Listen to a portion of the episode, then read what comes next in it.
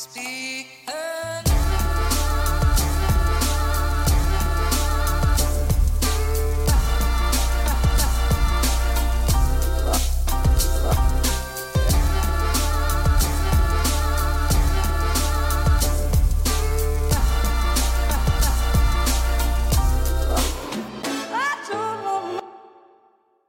Ja da, men da surrer vi i gang. Velkommen hit til Klagemuren. Det er torsdag 11. november, og klokka mi er 10.16. Og jeg er i en strålende form foreløpig. Um, og jeg sier jo foreløpig, fordi at jeg har jo en, selvfølgelig en dag full av gjøremål og oppgaver og ting og tang jeg skal komme gjennom, men her er fred. For en kontroll jeg føler at jeg har. foreløpig. Um, alt jeg sier kan dere bare ta Altså, alle planer jeg har, og alt av tanker jeg har, eh, du kan egentlig bare sette foreløpig i én av det. Bare ta utgangspunkt i Kevin kommer til eh, Harstad og opptrer eh, foreløpig. Eller i rekkefølgen Narvik og Harstad. Um, jeg skal dit uh, Jeg skal dit nå uh, i morgen. Så skal jeg til Narvik. Narvik kulturhus. Og så skal jeg til Harstad på lørdag. Og salget er begredelig. jeg gidder ikke, ikke å lyge engang. Uh, men eh, jeg kan si at jeg gleder meg uansett. Sjøl om eh, altså Foreløpig så blir denne turen å koste meg masse penger. Og det, det er det Her har du baksida med å eh, for det første være på egne bein. Fordi at egne bein er veldig svake. De er veldig tynne og ekle, og det er fullt av hår, men det er ingen muskler. Der har du mine bein oppsummert. Um, og når jeg da booker kulturhus, land og strand, eh, og reiser og skal opptre, og så, så er det en risiko der, ikke sant? Fordi at kulturhusene, de skal ha sitt. Og det er rett og rimelig. For det er et svært eh, det er, en, det, er jo et hus. Det ligger jo i navnet hus. Og hus har huslån, og de har ansatte, og ja, det skal koste penger å sette opp ting og tang. Um, jeg skulle bare ønske at det ikke koster penger for meg. Og um, ja. Nei, så hvis du er fra Narvik eller Harstad eller området rundt og har lyst til å se Skamløs, så er det her virkelig helga. Den helga som kommer nå, det er virkelig den beste helga i hele ditt liv for å se de showene. Jeg blir ikke å komme oppover og gjøre det på nytt. Um, det er jo åpenbart. Det, vi, husk, vi diskuterte til og med i mailen. Uh, hva skjer hvis det blir ekstra show? det er jævlig artig å tenke tilbake på. At man på en måte sitter og messer i mailen. bare, Ja, dæven, det blir jo selv som faen. Hva, eh, hvis det blir ekstrashow, setter vi det opp eh, før? Altså tidligere på dagen eller etter? Ikke sant? Sånn der diskusjoner. Og nå er det sånn her Ja, eh, hvor lang forfall blir det å være på den fakturaen jeg får etter helga? Eh, og det er liksom Det er Så fort kan det snu, men det er også en del av gamet. Det er en del av gamet å være eh, og ta risikoer, og det her er vel eh, Ja. Nei. Det er en risiko. Og det er ikke noe, er ikke noe annet enn det. Det er ikke noe å fortvile over. Det, man må bare jobbe hardere og jobbe lengre og jobbe bedre. Og, og um, hvis det reiser Altså, jeg elsker å opptre, både i Narvik og Harstad. Jeg, og jeg har gjort det i alle de år. Og det er et, altså, det er ikke et tema for meg å skal gå tilbake til eh, til de her småscenene, sant. Jeg brukte jo, når jeg var i Narvik, så brukte jeg å opptre på Malmen. Og eh, jeg mener at Malmen er vel tatt over av noen andre nå, men allikevel, det rommet der er ikke superegna for standup. Det er masse gulvnivå, og det er noen søyler der, og jeg har gjort show der som har vært helt fantastisk. Jeg har gjort show der som har vært eh, ganske kaotisk. Men jeg har vel aldri gjort et show der som var bare beint ut ræva. Det tror ikke jeg. Men det har jo vært en og annen person og en og annen figur vi har måttet kvitte oss med. Den ene fyren der i Narvik han har jeg ennå på svartelista. Han får ikke lov å kjøpe billetter til showene mine. så jeg bruker å være inne når vi har billettsalg. Så bare, har han kjøpt billett? Ja, OK, adjø. Og så refundere billetten. Eh, ikke sant? Det er det som er, det er, det som er instruksen. Um, men jeg har jo møtt han i ettertid. Jeg møtte han først nede i Oslo. Snubla over han. Bare Han bare var der i lag med en, en kompis av meg som jeg var og drakk i lag med. Så kommer han der figuren opp, og jeg bare Jesus Christ. eh, Du har jo vokst opp. Du er blitt et, mm, et voksent menneske. Men om han eh, oppfører seg mer voksent, det vet jeg ikke. Det vet sikkert dere Narvik-folk best. Jeg skal ikke name-droppe han. Jeg, jeg vet jeg har gjort det tidligere, fordi at Det har vel vært to eller tre ganger jeg har holdt på å klikke på fyren pga. showet jeg har gjort. Så, eh, så dere må Hvis dere, hvis dere har fotogra... Eller hva det heter Audiovisuell eh, Audio hva, hva blir fotografisk hukommelse bare med lyd? Jeg vet ikke hva det heter. Men hvis du har fotografisk hukommelse med lyd, så husker du hva det heter. Uh, nei, jeg har fett angst. Jeg har dritangst for de showene. Jeg har hatt angst hele uka pga. det showet jeg gjorde i går. Så det har vært uh, Det har vært rimelig løs eh, Løs Ja, det har vært rimelig bråkete toalettbesøk. Både jeg har kasta opp, jeg har renn, og det, det har vært helt jævlig. Fordi at i går så gjorde jeg standup på engelsk. På Skubare. Eh, og det var fordi at Pernille Haaland, som er en norsk komiker som starta i England og har gjort stort sett bare engelsk eh, hele sin karriere, og eh, gjør det ganske bra i England og få, har fått satt opp showet sitt på Edinburgh Fringe. Uh, og det er en Ja, det er, en, det er vel kanskje uh, verdens største standup-festival. Og, og det er jo en eh, meritt av noe slag. Pernille er dritflink. Jeg syns hun er også er hun psyko hyggelig. Og ja, hun har en Jeg fikk show i går i sin prime på scenen, og det var, det var nice. Det var veldig bra. Jeg gjorde ti minutter oppvarming eh, i av, av noe slag. Jeg skulle gjøre engelsk, da. Og det gikk, eh, gikk over all, all forventning. Eh, fikk senka skuldrene etter hvert, og praten gikk litt løsere. Men jeg merka jo at eh, hvis jeg skal eh, pakke snippsekken og stikke over, eh, stikke over, eh, over fjorden og dra ja, til England eller USA eller Egentlig uansett hvor jeg skal utenfor Norge, så burde jeg vel gjøre engelsk standup, men eh, men eh, skal jeg gjøre det, så må, jeg, så må, det, så må det pusses, eh, og det må støvtørkes noe djevelsk. Fordi at det, er ikke, det er ikke sykt tight, er det ikke. Jeg, jeg, jeg tipper jeg har brukt eh, 70 av tida mi på oppbygging av historier.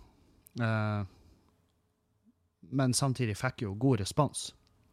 I tillegg så hadde vi jo uh, England Brooks, som er en lokal uh, musiker, som er bare ja, kanskje det herligste mennesket jeg vet om. Hvis du møter henne og sier 'nei, jeg, synes jo, jeg likte ikke henne', ja, da er det noe feil med det. Da, da er det kun du det er noe feil med. Og, og jeg vet jo at det er veldig typisk mennesker å høre den setninga, og så sier de 'nei, det er ikke noe feil med meg'. Det er ikke noe, jeg skal, jeg skal bevise at det går an, og du kan ikke legge føringer for hvem jeg skal like og ikke like. Vel, jeg, jeg gjør ikke det, egentlig. Jeg gjør ikke det. Du må bare ha dine meninger om kongehuset. Trenger vi det, eller trenger vi det ikke? Uh, ha dine meninger om politikk og alt det her. Det er greit, men England Brooks er virkelig det fineste menneskeheten har skapt av mennesker. Altså, personligheten er bare Ja, nei, du, du kan ikke forstå. Men det du kan gjøre, er å gå inn og søke opp England Brooks, um, og se det som ligger av videoer av henne på nett. Og Hvis du ikke liker det mennesket der, da, da må du gå i det sjøl. Da må du gå dypt i det sjøl. Sitt her og Sitt her og hersker. Hæ? Hersker-Kevin. Lik ho, hat han. Lik ho England, spenn krokfot på Jon Arne Riise. Det er kjemperart. Det, jeg skal, nei, jeg må slutte med hva enn det jeg holder på med nå. Um, ja, nei, så jeg gjorde det engelsk uh, greia. Um, jeg gikk lenge og, og altså, Mesteparten av tida har gått på å fundere hva, hva slags tekst skal jeg gjøre. Hva er det jeg skal prate om? Skal jeg skrive noe helt eget på, eller skal jeg liksom jobbe med å overføre en av de bitene jeg allerede har på gang, og få de overført til det engelske språket? Og det ble jo sistnevnte.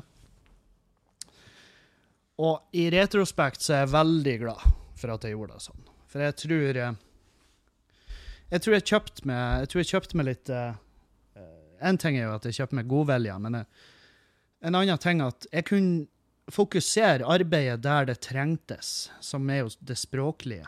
Men samtidig så legger jeg altfor mye press på meg sjøl, for at Jeg går på scenen og så tenker jeg jeg må ikke tryne på engelsken. Jeg, altså, Språket mitt må ikke være dårlig.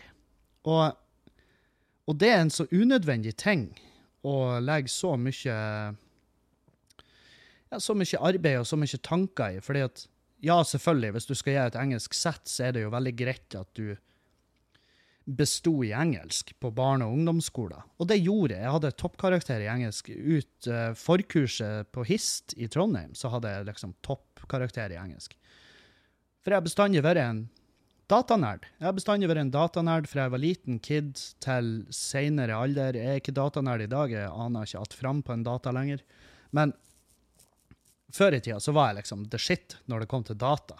Og det var jo um, Jeg lurer på om jeg var datanerd helt til noen sa at uh, smart is the new sexy. Ikke sant? Sånn der.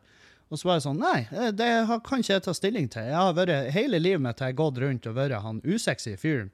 Og nå skal dere begynne å sette meg i en bås der jeg liksom er sexy fordi at jeg kan ting med data og generell generelt har en høyere IQ enn enn et par kompiser med som jeg vet om veldig godt. Um, og da er det bare Nei. nei. Fuck det akademiske, jeg går kunst. Og det Altså, og kunst vil jo aldri være sexy. Ikke, ikke i andre sine øyne enn de som er kunstnere sjøl, eller de veldig få som tenner på en sånn kreativ sjel. For det, det du skal vite om ei kreativ sjel, er at den sjela kommer også med en egen pikkolo, med sånn lite sånn bur som man har stjålet fra et eller Ritz-hotell eller Britannia i, i Trondheim, som er fullt av bagasje. Så går du for en kunstner, så får du også Ja, du får, det blir dyre flybilletter, for det er 43 kolli med bagasje der. Så ja. Øh. Nei, det gikk Faen, jeg er glad det gikk fint. Um, i, og hva har vært konsekvensen, Kevin, hvis du har varma opp i ti minutter, uh, og det har gått dårlig på engelsk? Vel, det hadde jo bare vært enda et hint på at du må jobbe hardere hvis du skal gjøre noe engelsk. Så jeg skal over nyttår skal jeg ned til Oslo og gjøre en engelsk kveld der. Og så, Jeg vet ikke dato ennå, så det er ikke vits å spørre meg. Men eh, skal da, så har jeg lyst til å dra over til England og Amsterdam av uh, mange grunner, men uh, mest, mest, av alt for, for den standup-scenen de har i Amsterdam, hvor de gjerne ønsker ut, utlendinger som er velkommen. Og så blir det jo rart å reise rundt i verden og være Kevin fra Kevin from Norway. Og det er ikke nødvendigvis sånn jeg prater, men det er sånn jeg blir introdusert. og, og, og, plutselig er det jeg som er utlendingen. Her har jeg vokst opp på Halsa i Meløy, og, ha, og der hata jeg utlendinger helt til, jeg var 19 år gammel, og så plutselig skal jeg bli en sjøl. Det, det, er noe å tenke på. At uh, uansett om du misliker utlendinger, så må du huske at for alle andre land i hele verden, så er du en utlending. Ja? What? Kevin, du snudde nettopp opp ned på hodet mitt. Ja, det er altså sånn det fungerer. Um, ja, så i går var jeg ikke Jeg er veldig glad jeg utsatte podkasten i går. Jeg merka det allerede, at jeg har en helt annen driv. Jeg har en helt annen tankegang. I går også stressa jeg som faen for det her Nav- og skatteetaten-greiene, men um, ja, jeg er nå i en viss form for dialog med de, og jeg har jo ikke foreløpig ikke trua med å ta livet av meg, som jeg gjorde uh, ved en tidligere uh, noen år tilbake. Og da husker jeg det var skatteetaten i Meløy, som var uh, i min heimkommune, der jeg kommer fra. Da var det skatteetaten i Meløy jeg hadde ganske, ganske aggressiv kontakt med. Uh, og jeg var jo skyldig de ganske mye penger, og så sa jeg til han fyren at du er og, og, da mente jeg det. Det er da som er forskjellen. Altså, da, da, var jeg sånn der, For jeg, jeg skreik, liksom. Og jeg var sånn Du, jeg blir på ekte. Jeg blir å cashe ut. Og ikke cashe ut i den, stand, i den stand at jeg blir å ta pengene mine og stikke, for jeg har ikke penger. Og dere ber om ganske mye penger. Og da var han sånn ja, Må ikke du bli dramatisk? Det er jo, eh, det er jo bare penger. Ja, sier bare penger. Det er jævlig lett å si hvis du har det helt OK. Uh, bare penger er Bare penger er ei setning som uh, som ikke må slenges altfor liberalt rundt, rundt det. Og hvis du og hvis du har over hva jeg skal sette Og det her blir jo, det blir jo subjektivt, ikke sant? Så, så i min Hvis du skal si setninga eh, Det er jo bare penger, Kevin. Hvis du skal si den til meg, så får ikke du lov til å ha mer enn 4000 kroner på bok. Uh, hvis du har Du må på et eller annet nivå være på samme Du må på et eller annet nivå være i samme situasjon som meg for at du skal kunne si den setninga, og jeg tenker ja, Hvis han sier det, sant? For det er det som er. Det må komme ifra noen som det betyr noe. Så hvis du, eh, hvis du er Stordalen og bare ja, men Kevin, det er jo, det er jo bare penger. Ja, ja, bare penger? Stordalen, er det bare penger? Er det, er det noe som heter da bare penger?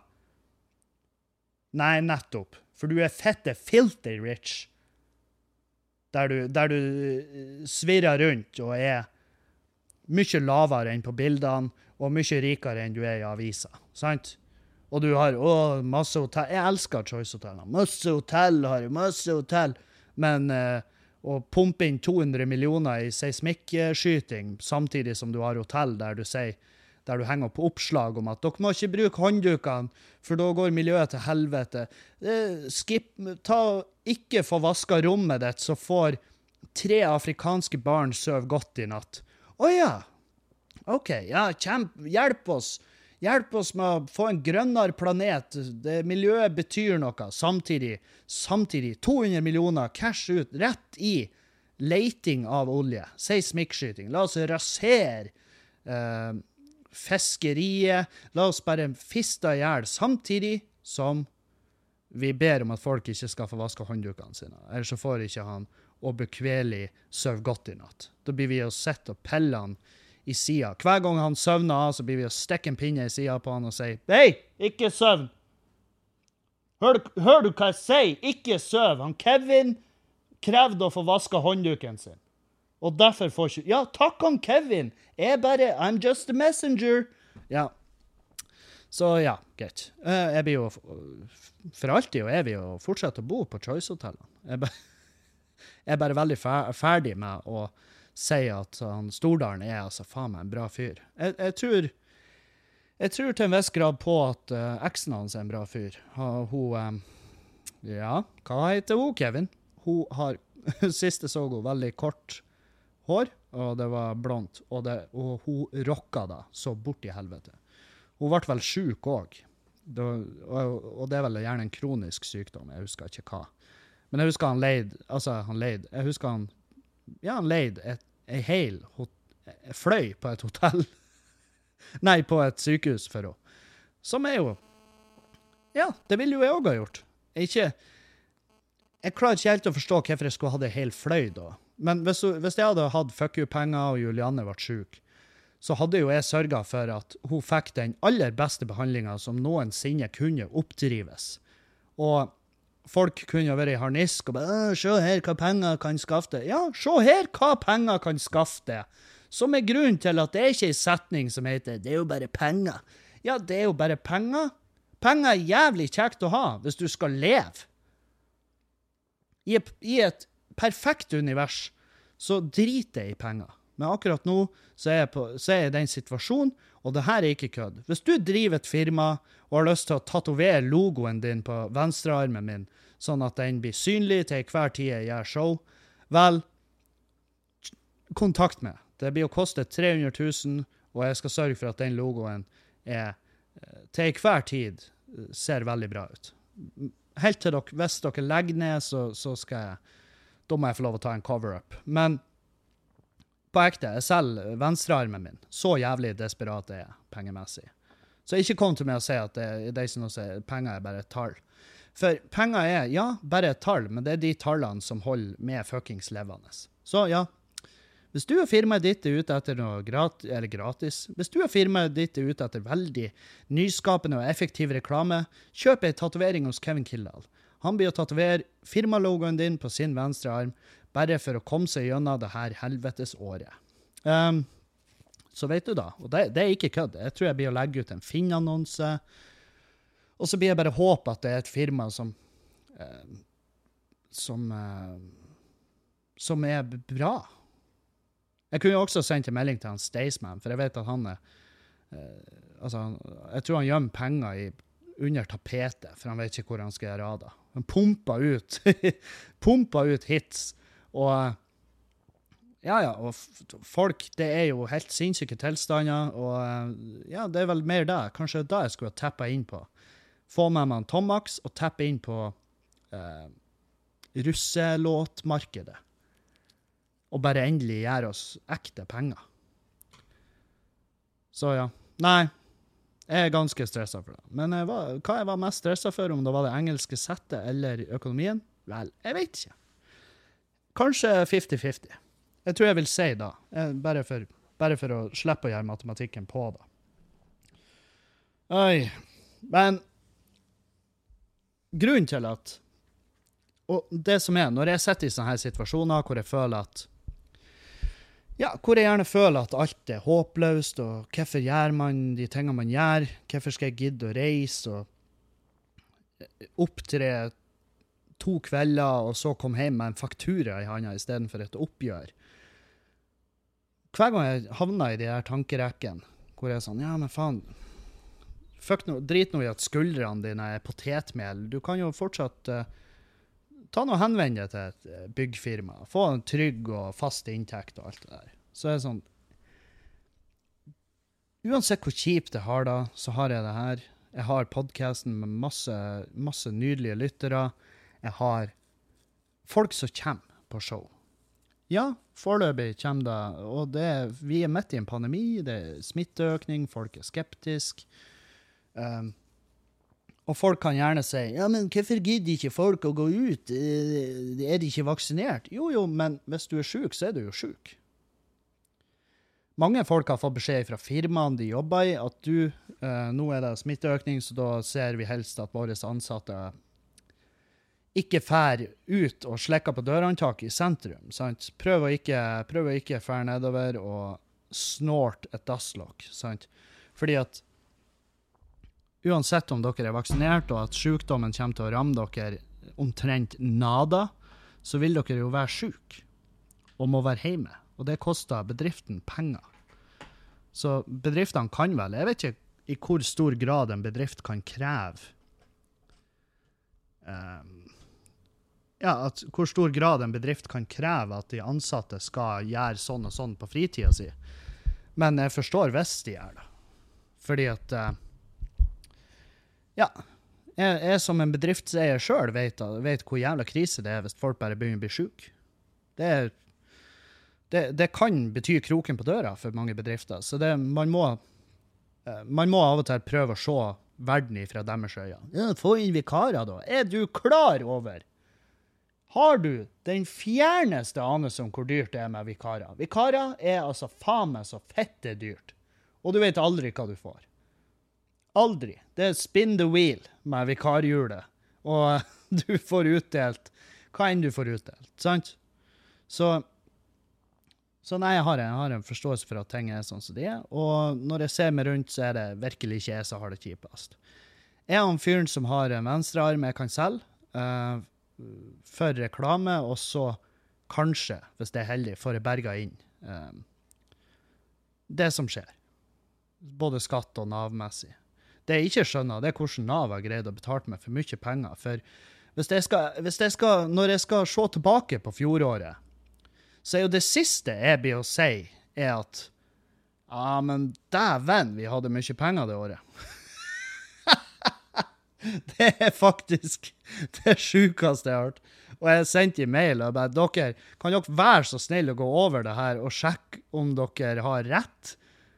For jeg sånn her, umiddelbart tenker ikke faen, dere kan se jævlig langt etter de pengene. Men altså, jeg har vært skyldig, og det her er ekte, jeg har vært skyldig eh, livsfarlige østeuropeere penger når jeg bodde i Trondheim og hadde en eh, en horribelt eh, liberal periode med amfetamin. Hvor jeg da Og det var ikke da at jeg ikke hadde pengene. Det var bare latskap. Ren jævla latskap som gjorde at jeg ikke tok ut og betalte de. Og det kunne blitt fette stygt. Uh, men jeg kan jo også si at det er mye verre å skylde staten penger.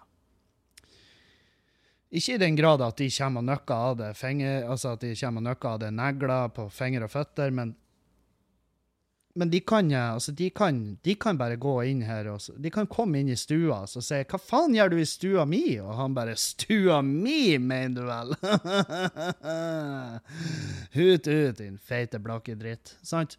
Så det er Og jeg mista, jeg mista fem negler i døgnet, hvis det betyr at jeg, får, at jeg slipper å flytte ut av mitt eget hus.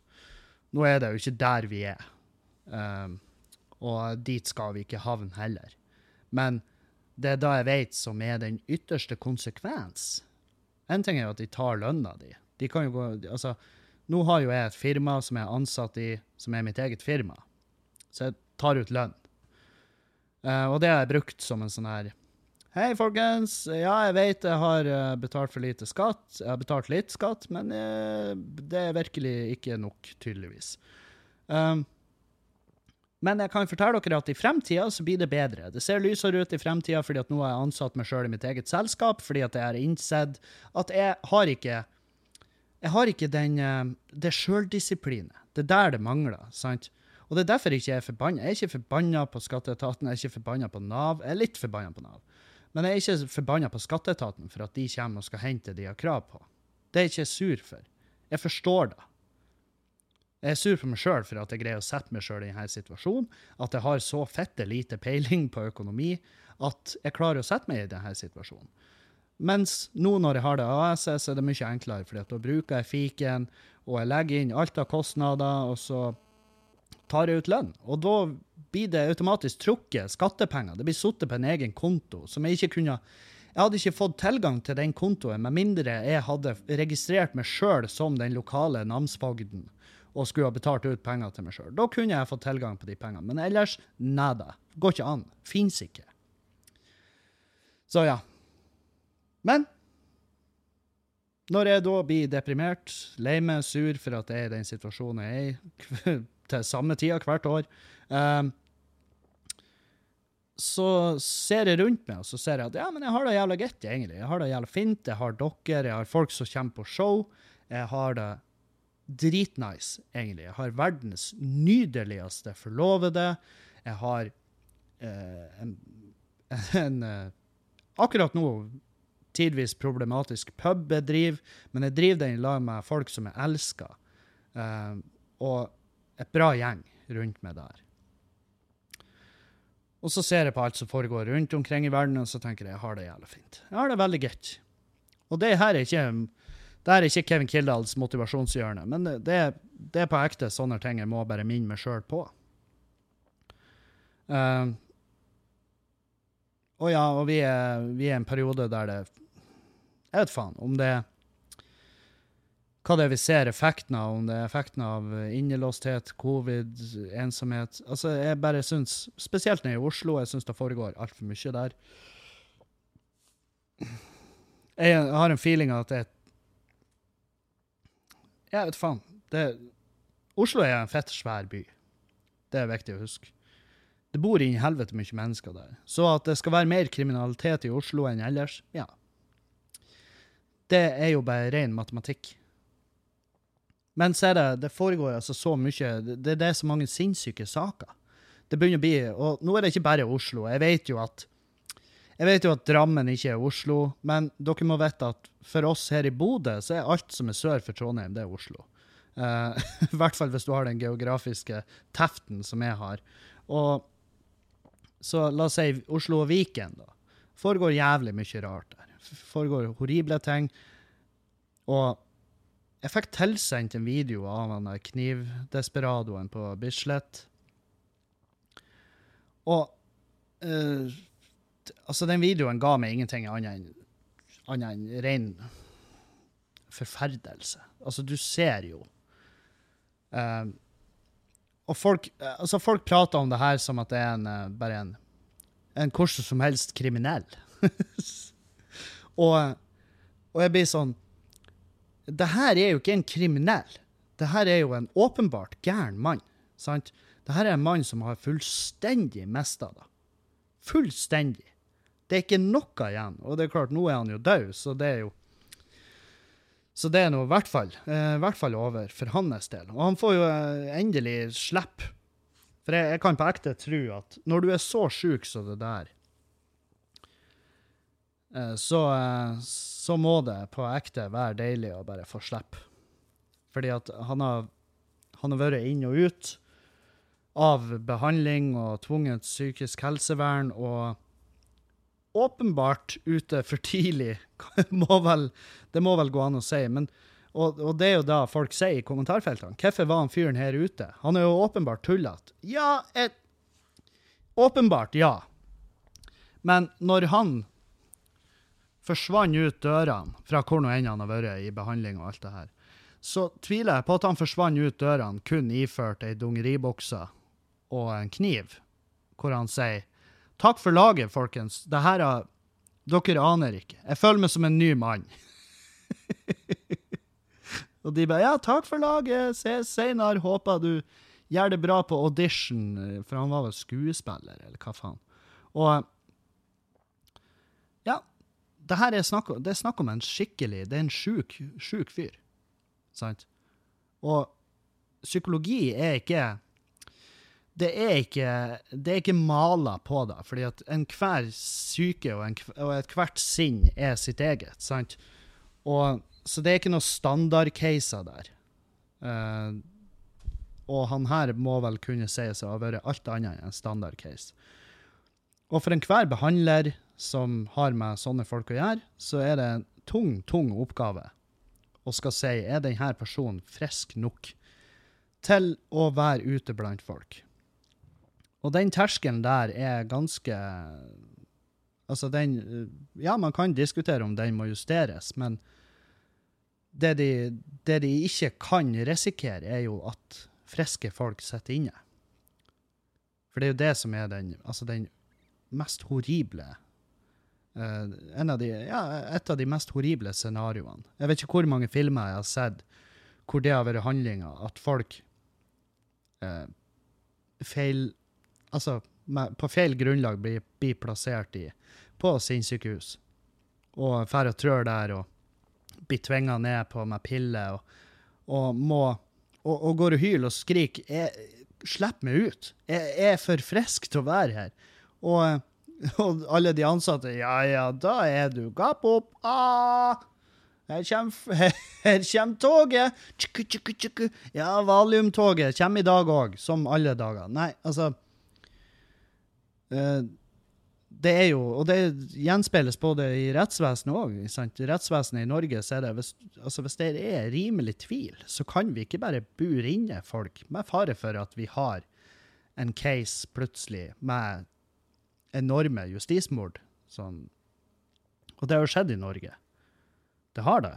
Og, og det er horribelt. Men skal man også Men hvis det går på bekostning av andre liv, hvor skal vi sette linja? Og hvordan vet vi, vi Ingen av oss vet hvilken form han var i uh, før han fikk seg et, en skikkelig smell og begynte å peive rundt med kniv nede i Oslo. Og når jeg ser den videoen, og, i, og nok en gang er kommentarfeltene folk Ja, nå er det på tide at vi tar en runde med politiet og deres praksis når de skal pågripe noen. Og jeg, sier det bare, se nå den videoen der.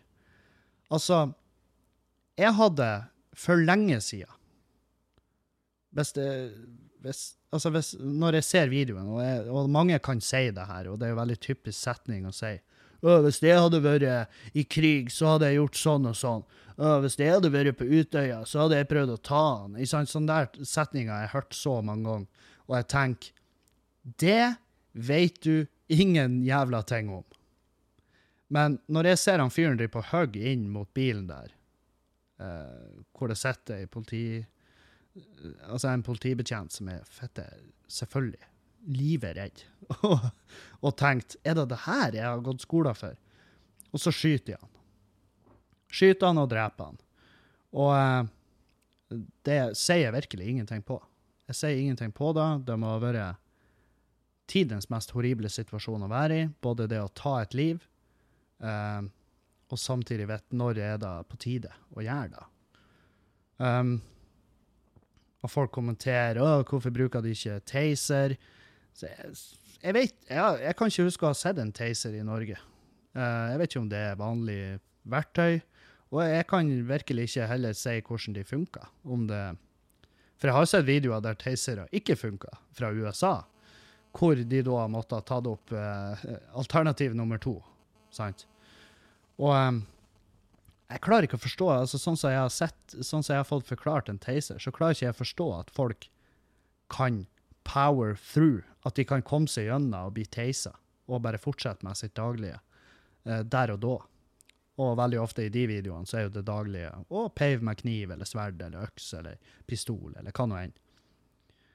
Og eh, det her er jo en mann, eh, når du ser den videoen, han her fyren, han hadde virkelig bare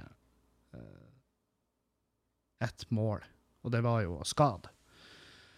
Det var å skade, um, og jeg tror, ikke det var, jeg tror ikke det var noen tankegang ute og gikk der, nødvendigvis. Det, det vil bli bare ren jævla synsing, med mindre han har lagt igjen noe manifest. Noe jeg tviler på, men hvem vet. Og han roper ut uh, Allah, Allahu, lak- Allahu akbar og mm, den muslimske trosberetninga og Ja. Og det er jo selvfølgelig mat. for Det er jo selvfølgelig mat for rette typen folk som tror at det, at det er der skoen trykker i dette tilfellet.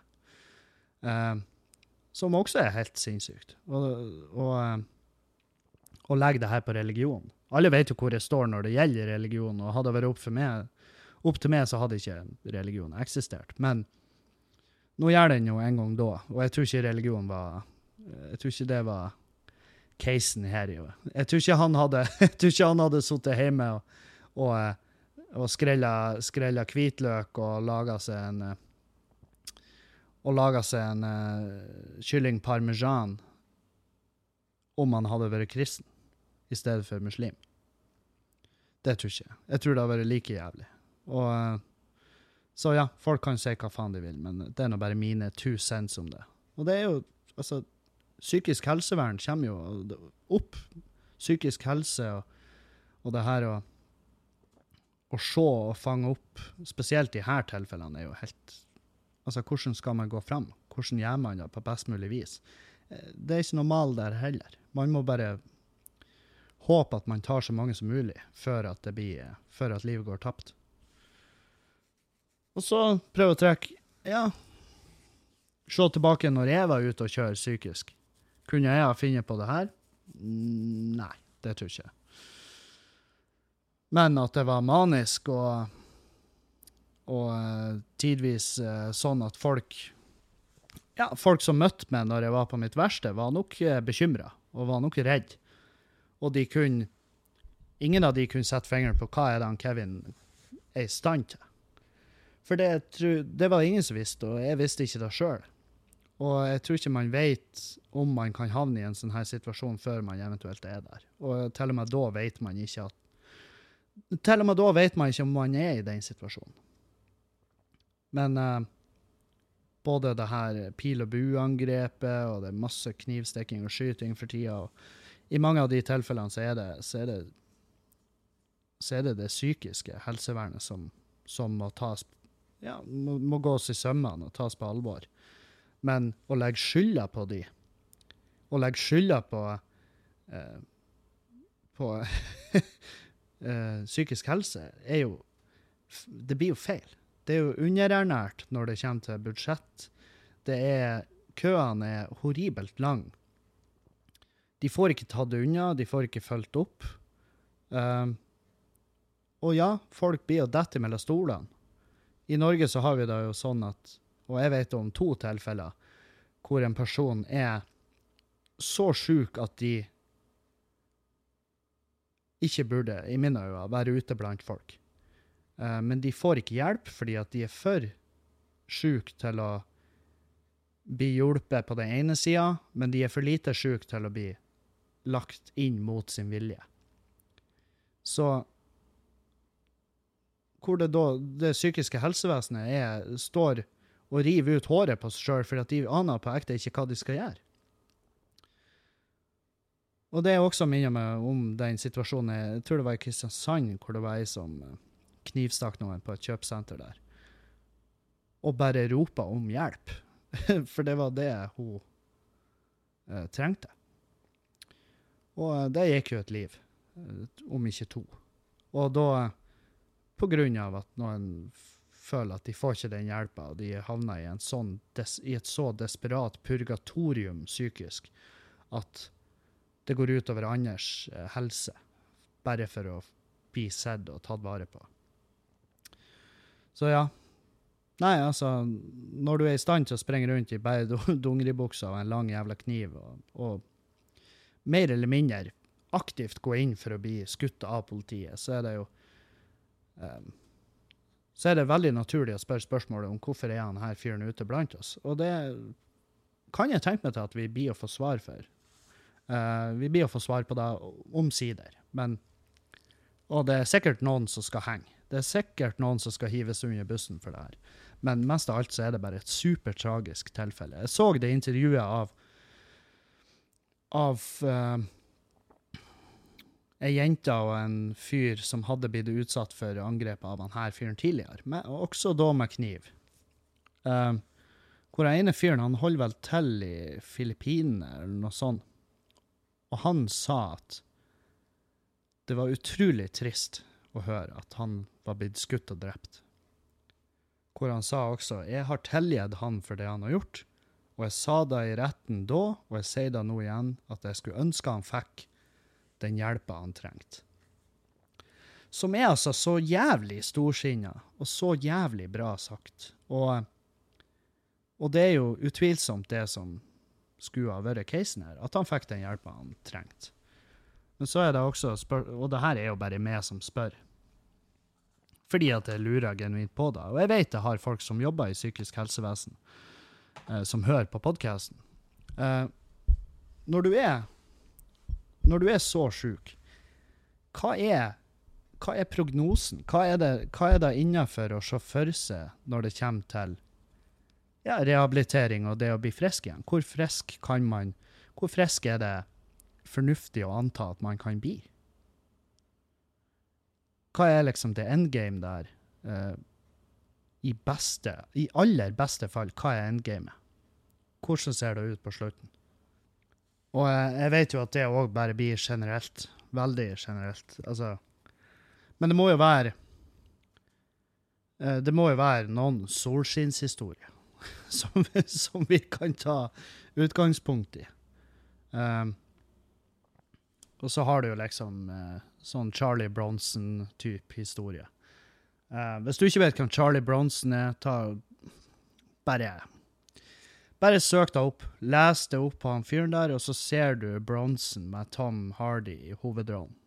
Uh, så um, Og så kan du huske at denne mannen, han har funtes på ekte. Og han var vel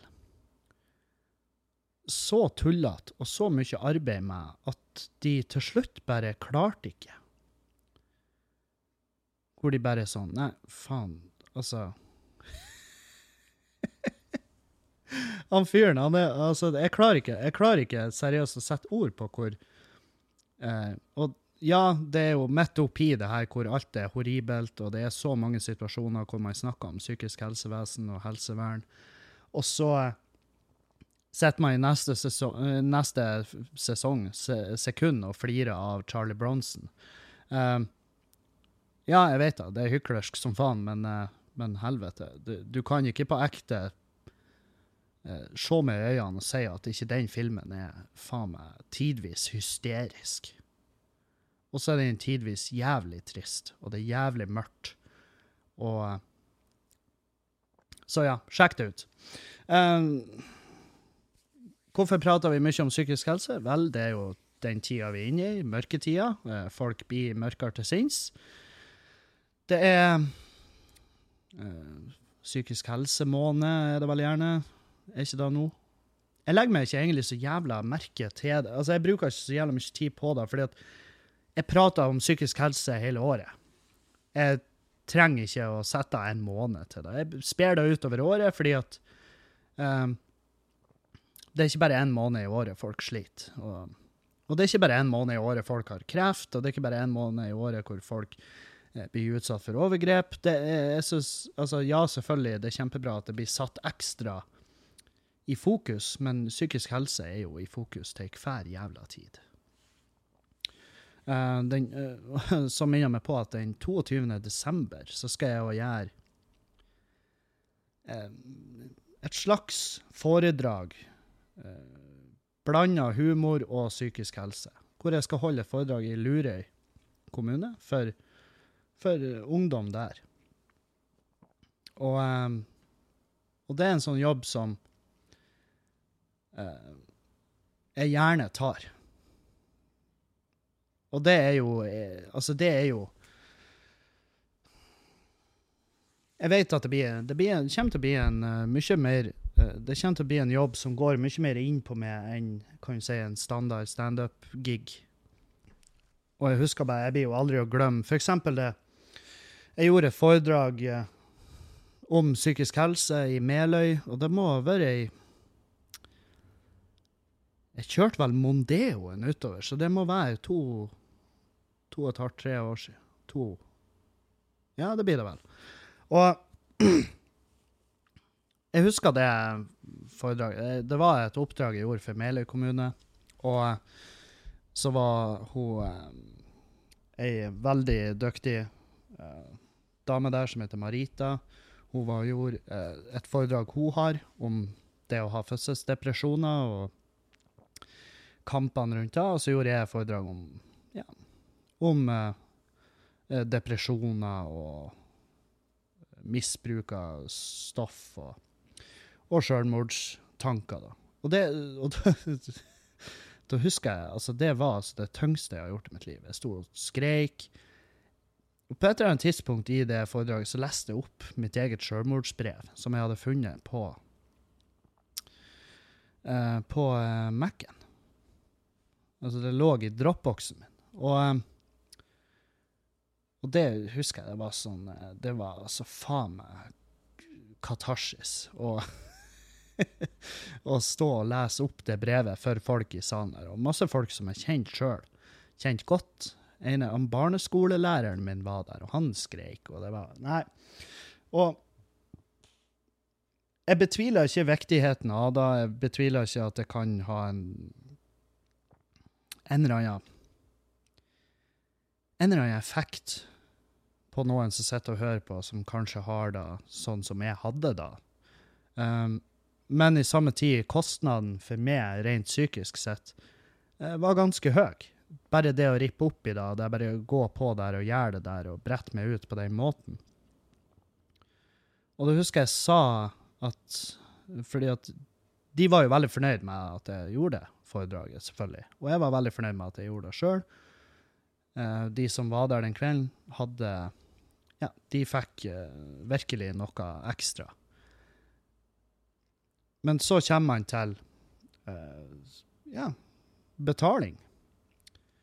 For der opererer man gjerne med standardsatser for foredragsholdere. Og jeg var sånn Jeg, uh, jeg gjorde dette foredraget fordi jeg hadde lyst. Jeg tenkte at det kan ha noe positivt. Det kan føre noe positivt med seg. Hvem vet? la oss gjøre det. Jeg har lyst til å gjøre det. Jeg har lyst til å by litt på meg sjøl. ikke da at jeg ikke gjør det ellers, men litt uh, Ja. Jeg bare følte at her kan jeg kanskje hjelpe til. Og det er jo er ganske narsissist å tenke at jeg skal ut og endre andre folks psykiske helse. Men jeg gjorde, gjorde foredraget, og jeg trengte altså oppfølging sjøl etterpå. Um, hvor jeg da sa at i retrospekt så har jeg tapt penger på å stå og lese mitt eget selvmordsbrev, og det gjør jeg ikke. Uh, jeg nekter å tro at, uh, at effekten er så stor at, uh, at, jeg kan få min egen bygd oppkalt etter meg. og ja, og jeg må tenke på meg sjøl. Det er virkelig en av de tingene som jeg har måttet ha tatt tak i, og, og bli flinkere og bare se meg sjøl i speilet og spørre hvordan har du det? Ikke sant? Og tidvis er jeg altfor dårlig på det, og tidvis er jeg altfor flink på det. Og ja, mens når det gjelder de her foredragene, så har jeg vært sånn at OK, det her gjør jeg. Jeg gjør det gjerne, men jeg gjør det ikke gratis. For jeg må ta høyde for at jeg må at jeg sjøl må ta en runde med meg sjøl etterpå. Og det blir jo ut av egen lomme. For hvis jeg går til fastlegen min og sier du, jeg har det jævla kjipt for tida, kan jeg få prate med noen? Og han bare ja, i helvete, selvfølgelig, bare hold linja, ikke heng deg sjøl. Og så står jeg i åtte måneder i kø. ikke sant? Så um, så det er sånn her Det Det også vil jeg si. Hvis du har muligheten, så uh, bare ta deg sjøl. Hvis du skal oppsøke en psykiater eller psykolog, og det er ikke bestandig du blir det er ikke bestandig du blir stempla som et akuttilfelle, men uh, veldig ofte så er det, er det akutt å ta tak i ting, uansett om du der og da, i det sekundet du står der og legger deg flat for din egen fastlege og sier jeg har det altså faen meg på ekte tungt. Jeg trenger hjelp. Og de sier OK, men du har det dessverre ikke sånn tungt at, at vi kan få det inn i dag. Men hvordan ser, hvordan ser august 2023 ut for det? Du, du, skjønner at da, da har enten hva enn du sliter med, så har du ridd gjennom den stormen og kommet ut på andre enden. Enten et bedre menneske, eller et psykisk jævla aspeløv, eller i verste fall død. Um, og da tenker jeg at det er verdt det. Å oppsøke hjelp på egen hånd hvis at man ser at OK, her havna jeg i et køsystem som er altså så jævlig horribelt langt.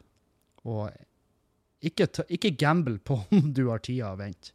Og ja, det er dyrt med psykiatere og psykologer, men det jeg kan fortelle, er at de kan få det inn på De kan unlock, og de kan få det inn på et spor som gjør at du plutselig lever et liv der ja, der du ikke stresser over penger. Der du ser på penger på, helt, på et helt annet nivå.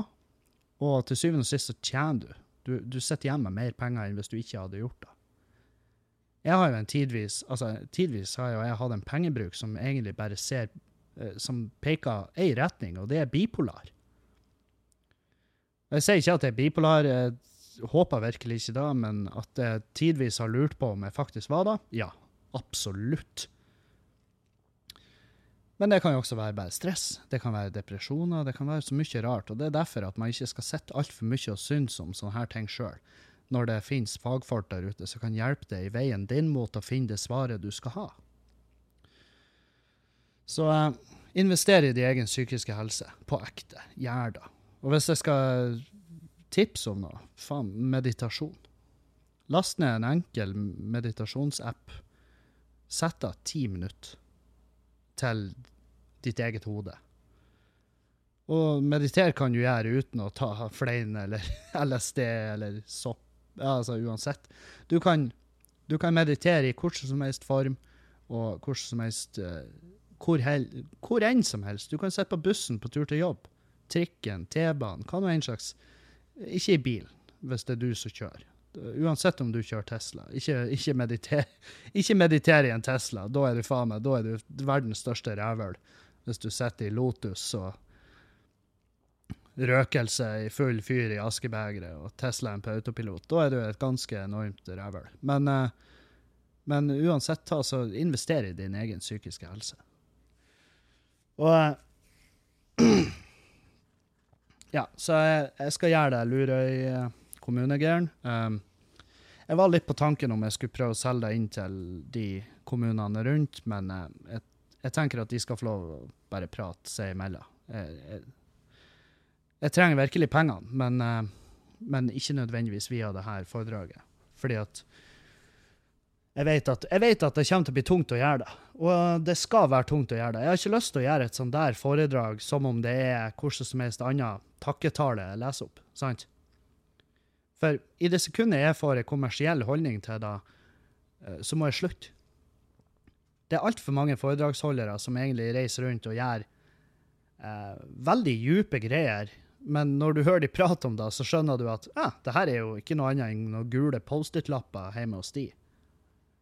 Og det det, jeg betviler ikke det faktum at hva nå enn de har gått gjennom, og vært tungt, og sånn der, men de har prata på en måte det temaet til et sånn nivå at eh, det blir mer klinisk enn noe annet. Og, og det er kjempebra på ett nivå, for det hjelper til med å fjerne tabuet. sant? Det hjelper til å uskadeliggjøre det faktum at vi prater om psykisk helse, og, og da spesielt hjemme hos mannfolk, fordi at vi fullstendig dominerer statistikken der. Og jeg skal ikke gå altfor dypt inn på det uten å For det kan jeg ikke, uten å blankt kopiere Dag Sørås sin, sin take på det i, i vrangforestillinger. Men Men um, Nei, jeg, jeg både gleder og gruer meg, og jeg har allerede begynt å jobbe med det. fordi at det her er, det her er vel en jobb som jeg tar på, seriøst på et helt annet nivå enn jeg gjør ellers. Så, ja. Men over på noe annet. over på noe trivelig.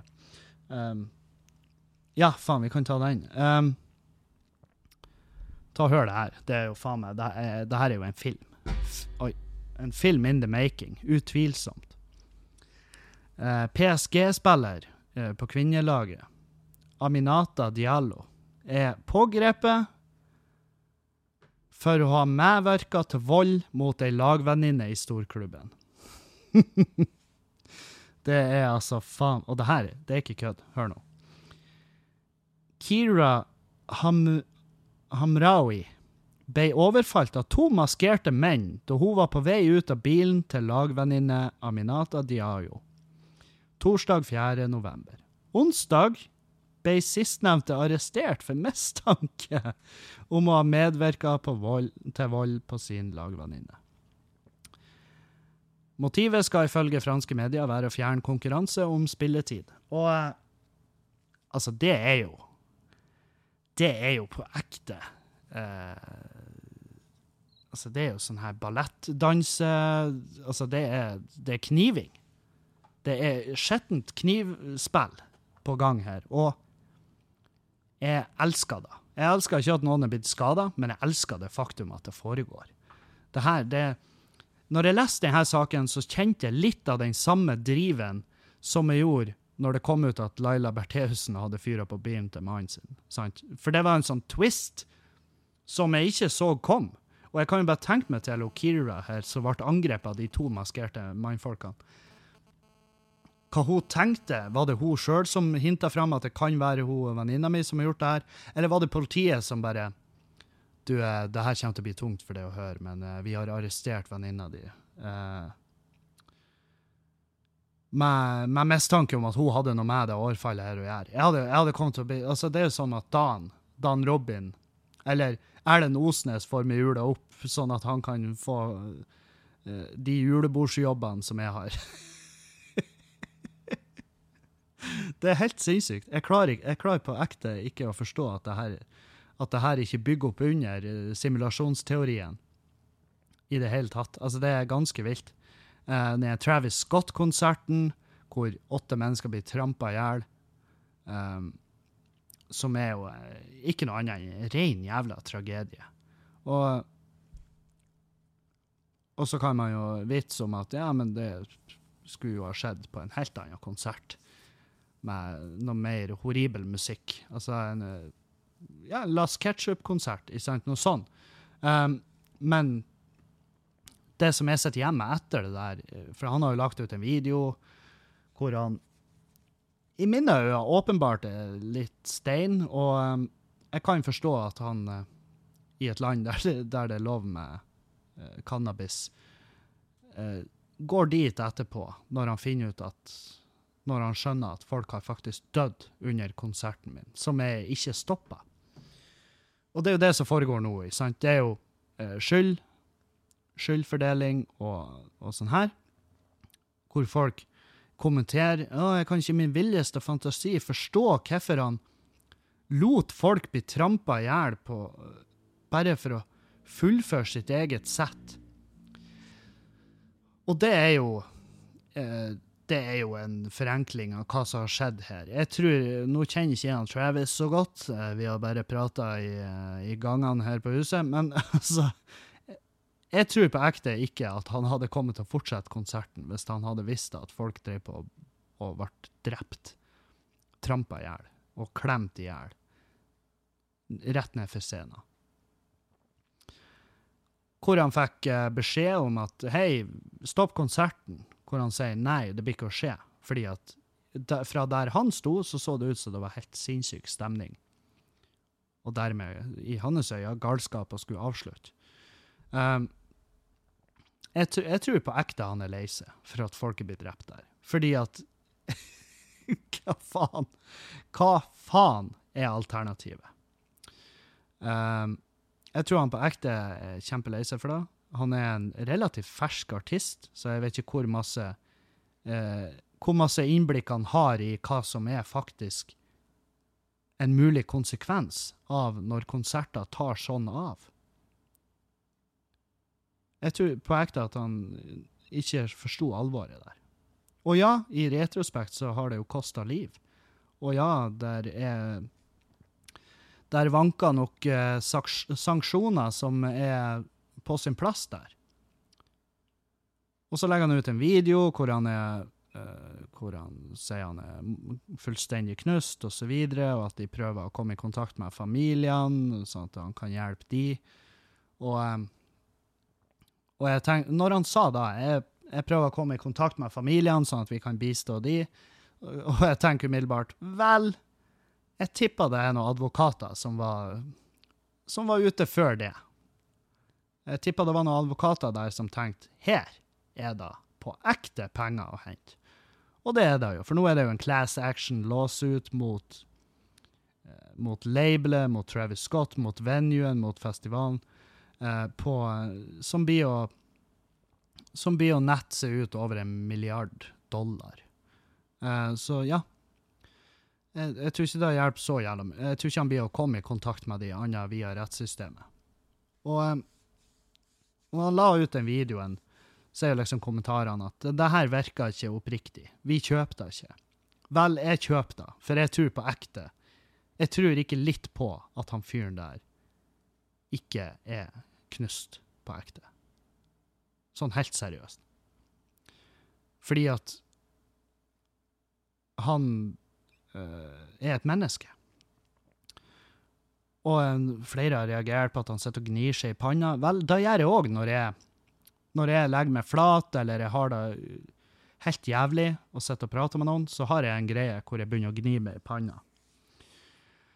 Og jeg vet ikke hvorfor. Jeg kan ikke sette fingeren på hva det er for noe, men det er nå i hvert fall bare en reaksjon jeg har. Så hvis det, hvis det er argumentet ditt for at han egentlig bare sitter og teller penger nå og koser seg som faen, det, det nekter jeg å tro.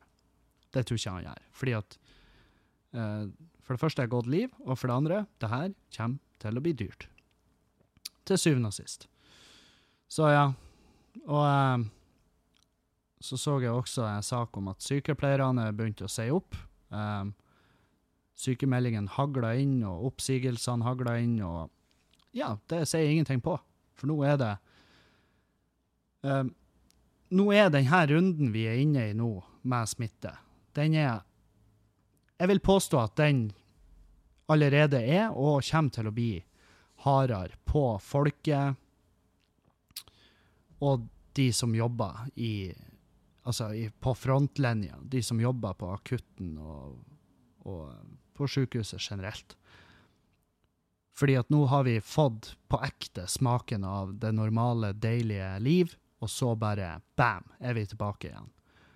Det snakkes om nedstenging, det snakkes om eh, restriksjoner i hytte og gevær, hvor jeg har panikk, alle rundt har panikk, jeg ser på billettsalget, og jeg håper, altså jeg er på et sånt punkt der jeg håper at det er covid som er grunnen til at jeg selger elendig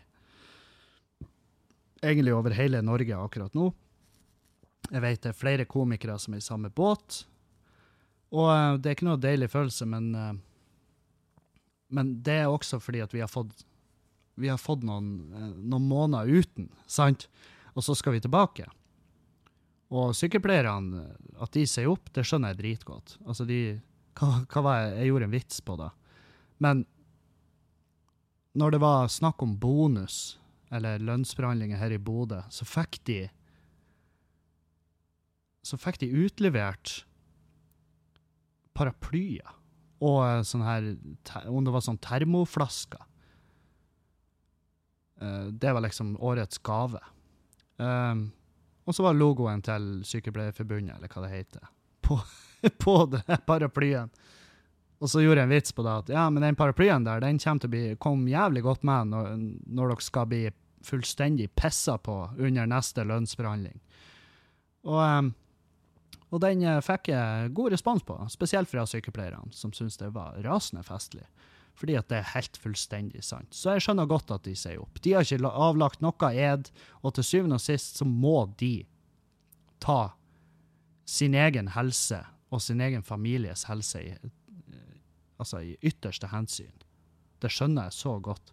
Og mange av de har fra før av og kommer til å ha søvnløse netter av at de slutter, og føler at de eh, hiver sine kollegaer under bussen, og at de hiver sine pasienter under bussen. Men det er ikke det de gjør. De tar rett og slett bare vare på seg sjøl.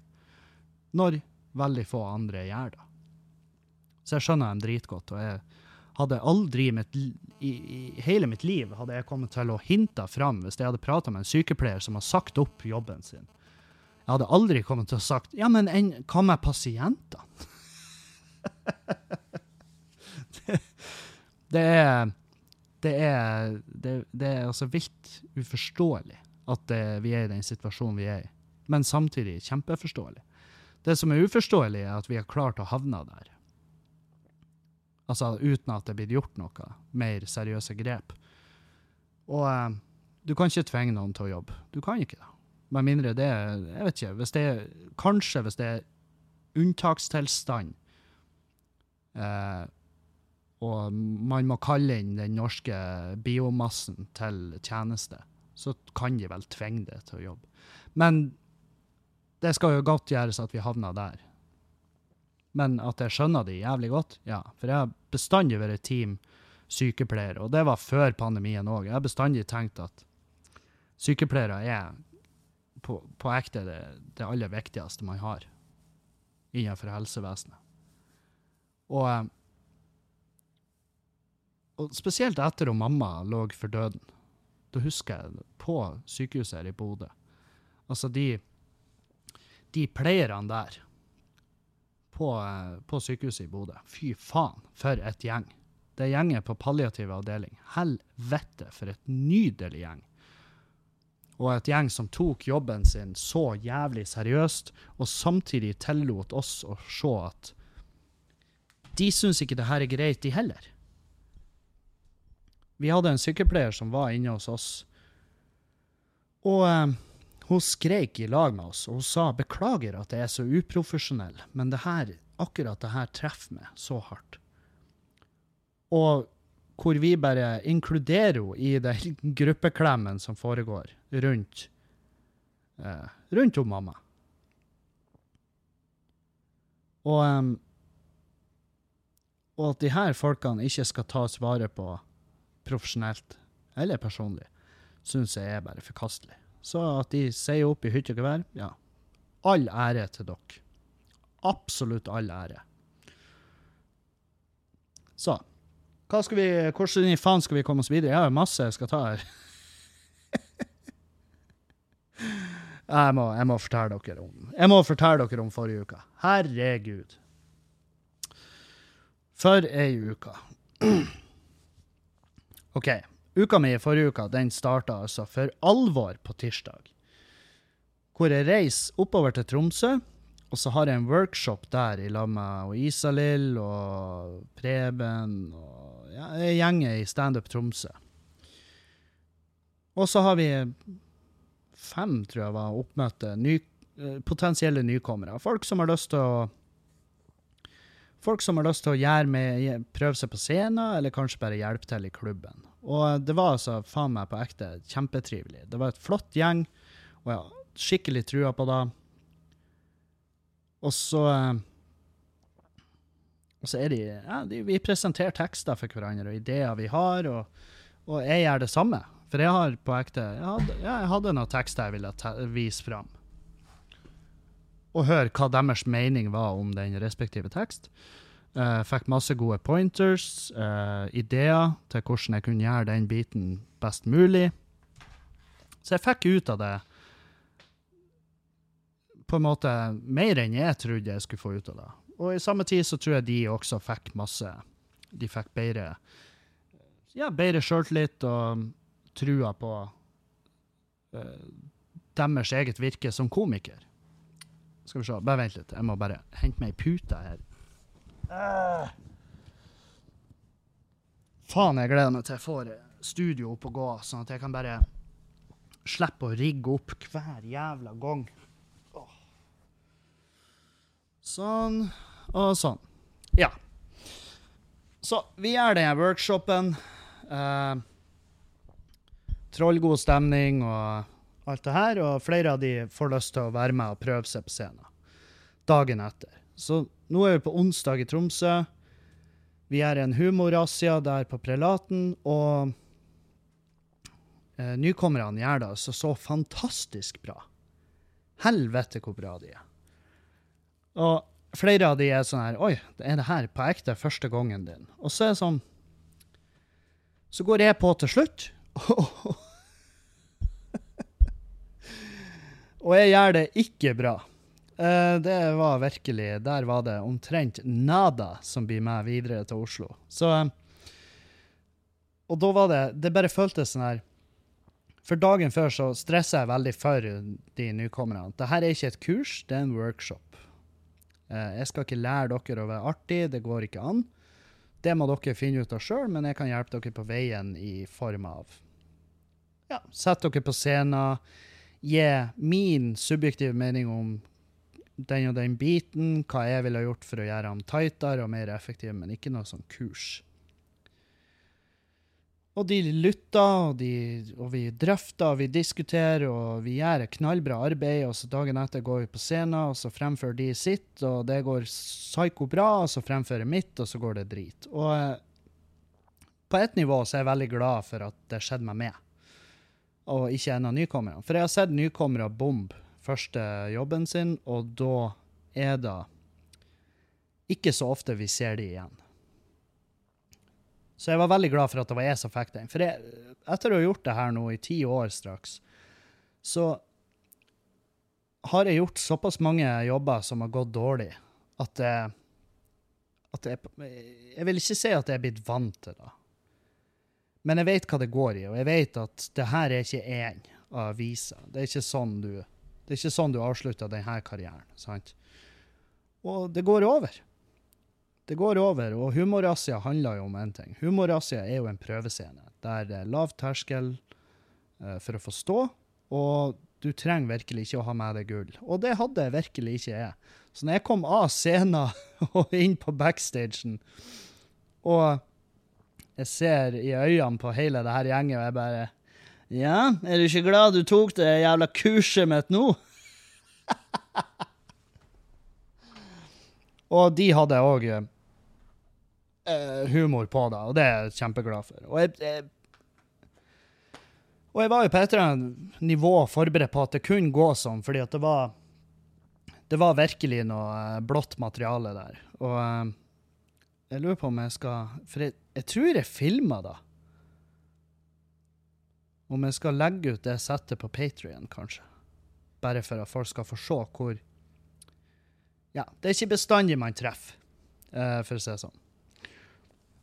Men jeg sa det jo til dem at ja, det her skjer av og til. Og dere blir jo opplevd da, og jeg kan love dere, det er akkurat så drit som dere ser for dere. Uh, dagen etter så reiser jeg uh, ned til uh, Trondheim. Så jeg tar jo flyet, og så har jeg en mellomlanding i Bodø som er altfor lang. Og det er jævlig kjipt å sitte på flyplassen når jeg savner Julianne så jævlig hardt. Og, eh, og liksom sitte i flere timer på flyplassen her, og jeg vet at jeg kunne ha gått ut og hengt med henne, og så bare sjekka inn på nytt, og så reist til Trondheim. Men hun lå og sov, så jeg, jeg gadd ikke å plage henne. Men det, det, det var eh, Etterpå så angrer jeg. At jeg bare stakk hjem og vekket henne. Eh, med kjærlighet, eller, med, ja, eller bare med mat eller kaffe. Eller. Den beste måten å vekke henne, det er jo med kaffe. Hvis jeg kan trakte en ny kopp med kaffe, ta den opp i senga, og så blåse kaffelukta på henne. Det er vel den tryggeste måten du kan vekke henne, Juliane. Du vekker ikke henne med en ereksjon. Uh, da, da, da er du svært heldig hvis at, eh, hvis at det går hjem. så jeg reiser ned til Trondheim, og så tar jeg toget ut Eller jeg reiser ned til Værnes, hvis du er en petimeter. Jeg reiser ned til Værnes, og så tar jeg toget utover til Verdal. Og der skal jeg altså da opptre for et firma på Verdal hotell. Og eh, Verdal hotell er Det er et hotell. Og det er et eh, typisk sånn gammelt hotell. Eh, det er Altså, jeg tipper flere avdelinger der, altså flere deler av det hotellet er kjempe, kjempegammelt. Uh, hvordan ser du da, Kevin? Jo, det ser du på rommene. Uh, du ser det jo også på bygget generelt, men bygget ser bra ut. Og rommene Altså, det rommet jeg fikk, det var altså så fette svært. Og det er en av de tingene som gikk gjerne igjen på gamle hotell. Eh, nyere hotell, hvis de smekker opp et nytt hotell nå, så er rommene de bittesmå. Uansett om det er suite eller ei, så er de som regel ganske små, de rommene. Men de er jo svært effektivt utforma som planløsning og sånn. Men det, det er bare effektiv kvadratmeter. Og det skjønner jeg, at de, det er jo hele konseptet med et hotell er jo at det skal bo masse forskjellige folk der, fra forskjellige, eh, ifra forskjellige yrker og, og samfunnsøkonomiske nivåer og ikke sant, sånn her. Men det her er- hotellet er i hvert fall det er gammelt. Jeg kom inn på rommet, det er kaldt. Det var jævlig kaldt. Og jeg var sånn Oi, det er dagtid, og det er sånn her kaldt. Hvordan blir det i natt? Så jeg gikk i lobbyen og sa du, det er oljeradiatorene på rommet, de funka ikke. For det hang jo sånn ol- oljegreier på veggen. Og så sier hun nei, de er ikke i bruk. Og sier OK, men hvordan får jeg varme der inne? For det er altså så inn i helvete kaldt. Og hun ble jo helt sånn her i hundre. Å ja, det må vi jo fikse. Og så sa jeg Jeg så en jeg så en liten, bitte liten oljeovn som sto inni et klesskap på rommet. Skal jeg bare ta i bruk den? Og hun bare Ja, hvorfor har du ikke gjort det? Så jeg nei, jeg ville bare sjekke meg det først. Eh, og det er jo fordi at en sånn oljeovn tar litt tid før han begynner å varme opp rommet. Men jeg satte nå den på, så spiste noe mat, og så møtte jeg med det firmaet som jeg skulle opptre for. Og det var et firma som heter Byggmestrene før, og nå heter det da Lag. De og det er da hele det her eventet handler om. Det handler om at de bytter navn. Gratulerer med navnebyttet. Og jeg er veldig enig i at det er mye bedre navn. Lag er jo kjempe Altså, det inviterer til masse tenking, og, og eh, jeg tror det er lett å forbinde det firmaet med lag og alt det her. Og byggmestrene, eh, det ruller ikke av tunga. Jeg tror jeg skrev da til og med feil i kontrakten, som er jo sikkert en av grunnene til at de, til de bytta navn. Et nydelig, flott firma, masse bra folk. Um, og han daglig lederen er bare Jeg digger han fra første sekund. Så jeg og han vi står utafor salen der og prater, og han prepper meg litt liksom hva jeg kan forvente, og hva jeg kan gjøre og ikke gjøre, og det er virkelig lite jeg ikke kan gjøre, uh, ga han meg beskjed om. Og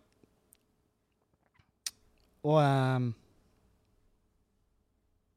Ja, så vi står nå bare og prater der, og så kommer hun der, hun der dama som jobber på hotellet. Hun kommer bort til meg og så bare 'Ja, hva skal du spille for oss, da?' Og så sier jeg jeg er komiker, så det blir standup, ikke musikk'. Og hun Og merk dere at det her er to minutter til jeg skal på. Jeg står bare og tripper og klar for å gå på. Og her bryter hun ut i altså, Nei, er du komiker? Å, herregud. Ja, lykke til. Jeg har aldri sett en bra standup her på hotellet. Eh, Sist vi hadde noe sånn her, jeg hadde så vondt i meg. Jeg hadde så vondt i helt ned i hjerterota. Det var det mest forferdelige jeg har sett. Jeg syns så synd i han kisen der. Det må ha vært det verste øyeblikket i hans liv. Det var så trasig og så stilt og så rolig, og det var ingen Alle bare satt med hendene, altså med fjeset i hendene og, og så andre veier, og, og det var helt jævlig. Og jeg bare Du, unnskyld, jeg må bare avbryte den helt sinnssyke peptalken din.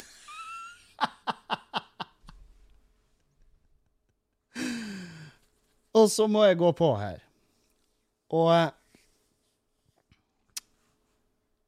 jeg gikk på, og det gikk kjempebra. Det gikk kjempebra. Og eh, heldigvis, for uh, hun ga meg altså så jævlig angst for den jobben. Som, det, det er som om det hviler en forbannelse på hotellet når det kommer til standup. Ja, ja, OK. Jeg tror ikke vi er hjemsøkt av uh, Engmarks spøkelse som syns at vi Nei, her skulle du ha jobba mer, og det her er ikke tight nok, og det her er bare dårlig. Det jeg tror ikke.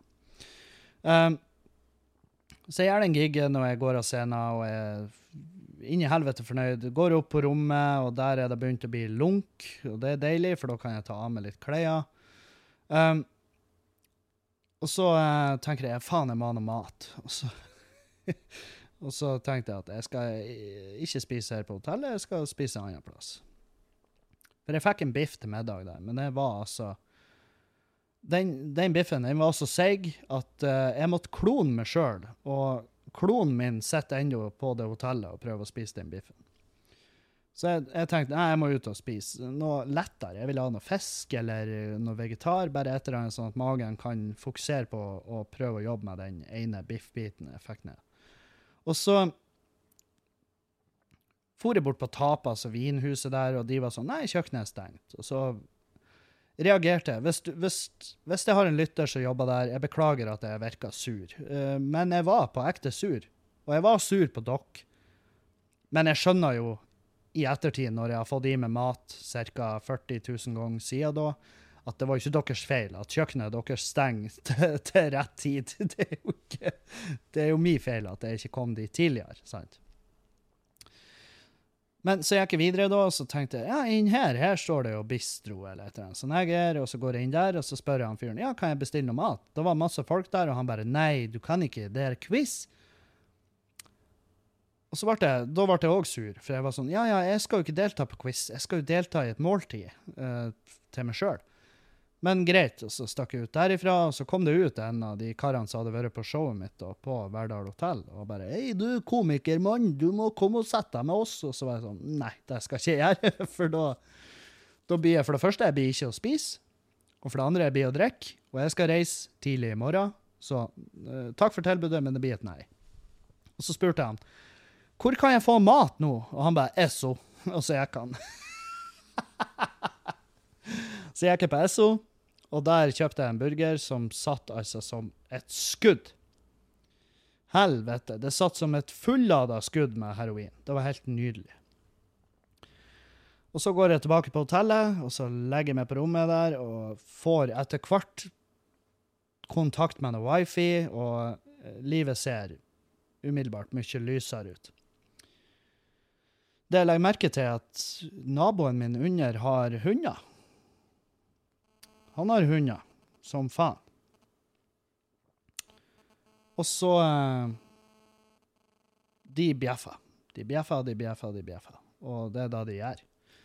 Og til slutt så går jeg ned og så peker jeg på og så spør jeg, du, eh, de hundene, kan du eh, få de til å være litt stille? Og så sier han Snur han seg og ser på hundene, og de ligger jo der og logrer og ser på meg. Og så ser han på de, og så sier han De er stille, dem. Og da blir jeg forbanna. da blir jeg sur. Da er jeg bare sånn Ja, men uh, ikke, ikke til vanlig. Ikke til vanlig. Uh, jeg bor i rommet oppfor, og jeg hører de jævla tydelig. Så hvis du kan gå en tur med de, mat de, eller avlive de, jeg vet faen. Um, hvor han sånn Nei, de er helt stille. OK. Så går jeg opp, og de hundene begynner å bjeffe igjen. Og så tar jeg heller bare en stol, og så setter meg altså, midt på gulvet, og så bare sitter jeg og kakker i gulvet. For her er greia, jeg skjønner at jeg blir ikke å få sove. Og da tenker jeg at eh, da skal ikke han heller få sove. Så jeg setter meg og bare kakker meg som brannslukningsapparat i gulvet. Og så når det peker på døra på rommet mitt, så sier jeg nei, hva du mener Så vi hadde jo en greie der. Jeg fikk ikke sove så godt, og det Ja, sånn er det. Så går jeg ned morgenen etter i frokosten, og så tenker jeg det, Jeg har ikke noe sånn sinnssykt behov for å bo her igjen, tenkte jeg. Um, og det var, det var mye greier. Det var Altså, det sengetøyet var ikke rent. Det var hår der. Det var hår i håndduken min. Um, ja, det var noen sånne småting, og jeg var sånn eh, Faen heller. Fuck det her. Jeg, jeg skal hjem nå. Og her er greia. Jeg, jeg, jeg misliker ikke Verdal hotell. Det er viktig å få fram. Jeg misliker det ikke. Jeg håper, jeg vet de driver på å pusse opp, og jeg håper de klarer seg. For jeg er veldig fan av eh, av selvstendige hotell. Jeg syns det er vakkert. Jeg syns det er fint. Og hun kjerringa som jobba der, som jeg hadde med å gjøre, eh, veldig hyggelig. Veldig hyggelig dame, bortsett fra den peptalken. Den kunne jeg vært foruten. Og de andre ansatte der. Veldig serviceinnstilt og veldig trivelig. Eh, men ja. eh, I hvert fall det her tankene jeg gjorde meg når jeg, om morgenen der, at jeg, jeg vil ikke nødvendigvis bo her igjen med det første. Og um, i frokosten så tar jeg meg ei brødskive med noe egg, og det brødet er altså på ekte det beste jeg har smakt i hele mitt liv. Uh, I hvert fall siden mamma døde. Og jeg, fikk, jeg satt seriøst med en tåre i kroken og tenkte her er, sånn her ville mamma laga brød til meg nå, hvis jeg hadde spurt henne. Og da gikk det en liten faen i meg. Så jeg trilla opp kofferten min, og så stjal jeg et brød. Før jeg for derifra. Jeg tok med meg et brød. Jeg bare heiv det rett i kofferten. Det var lite folk i frokosten, og det var ikke så lenge til frokosten stengte, så jeg tenkte det her brødet blir jo ikke spist uansett, så jeg tar det. Og jeg tok det brødet, heiv det i kofferten, og så snappa jeg det, la det ut på Story, og så stakk jeg derifra. Og så eh, sendte jeg en melding til hotellet da, og sa at hei, jeg har stjålet et brød hos dere, dere blir mest sannsynlig å høre om det, send meg gjerne en faktura hvis dere, ja, hvis dere vil ha penger for det brødet. Og så roser jeg de høyt og lavt for det brødet. Eh, Egentlig bare høyt. Jeg var ikke lavt. Jeg var bare høyt med det brødet. Og så for jeg derifra. Og da tok jeg flyet oppover til Evenes. Og Nei, ikke til Evenes. Jeg tok flyet oppover til Stokmarknes. Og så ble det etter eh, Ja, etter en eh, Den første filmen i Lord of the Rings, eh, cirka, ble jeg henta på flyplassen. Av han Ken Runeberg, eh, som er en eh, arrangør oppe i Harstad, Narvik, Sortland-området. Han driver klubben der. Klubbene, det er vel klubbene i flertall. Eh, han driver et firma som heter Arctic Stick on Stage, um, som er et firmanavn jeg har gitt dem mye piss for. For jeg har spurt han, hva betyr Arctic Stick on Stage? Og så sier han «Eh, det er jo engelsk. Jeg bare, ja, det vet jeg. jeg er klar over det. Og så sier han ja, stick on stage, hold det, hold det på scenen. Og så bryter jo jeg ut i fuckings altså endeløs jævla latter og sier at det er horribelt dårlig engelsk. Men uh, firmanavnet eller ei, det går uh, bra med de, og de er jævlig Han er blitt en flink arrangør. Det er det som er viktig. At uansett hvor mye Jeg har sagt mye piss om han Ken Rune i podkasten, men nå har jeg og Ken Rune et sånt forhold der han er en venn av meg, og uh, jeg er veldig glad i han. Jeg er veldig glad i han, og vi har det artig i lag, og, vi, og han skjønner mer og mer hvem jeg er, og jeg skjønner mer og mer hvem han er. Og vi har hatt enormt mange uenigheter, og vi har vært høylytte med hverandre. Vi har til og med krangla høylytt på Latter i Oslo. Hvor vi da bare lima det i hop dagen etter, bare for å bli ferdig med det. For jeg gidder ikke gå rundt og ha uvenner i en alder av 32. Uh, så ja, og han har satt opp flere show hvor jeg har vært deltaker, hvor det har gått veldig bra. Jeg har fått uh, godt betalt, og pengene ikke minst i tide. Og det er kjempedeilig. Og, eh, men så har han også han har en horribel track record når det gjelder meg uh, og henting på flyplass. Og jeg sa til han det her er fjerde gangen jeg er tredje eller fjerde gangen, og som regel har jeg måttet vente. Og det er sjelden det er hans feil. Det er det som er så artig. at Som regel er det sykdom hos en sjåfør- eller at det er blitt tatt feil flytider og sånne der ting. sant? Så jeg satt jo og venta litt, men jeg satt ikke en hel Lord of, Lord of the Rings-film. Da hadde jeg tatt taxi. Men jeg satt nå der og venta og gjorde litt eh, Gjorde egentlig bare litt arbeid, så det var for så vidt greit. Jeg rulla til en rullestol for å ha et bord. For det her må dere skjønne. Flyplassen til Stokmarknes, det er altså virkelig det absolutte minimum av hva du kan sette opp og kalle det for en flyplass.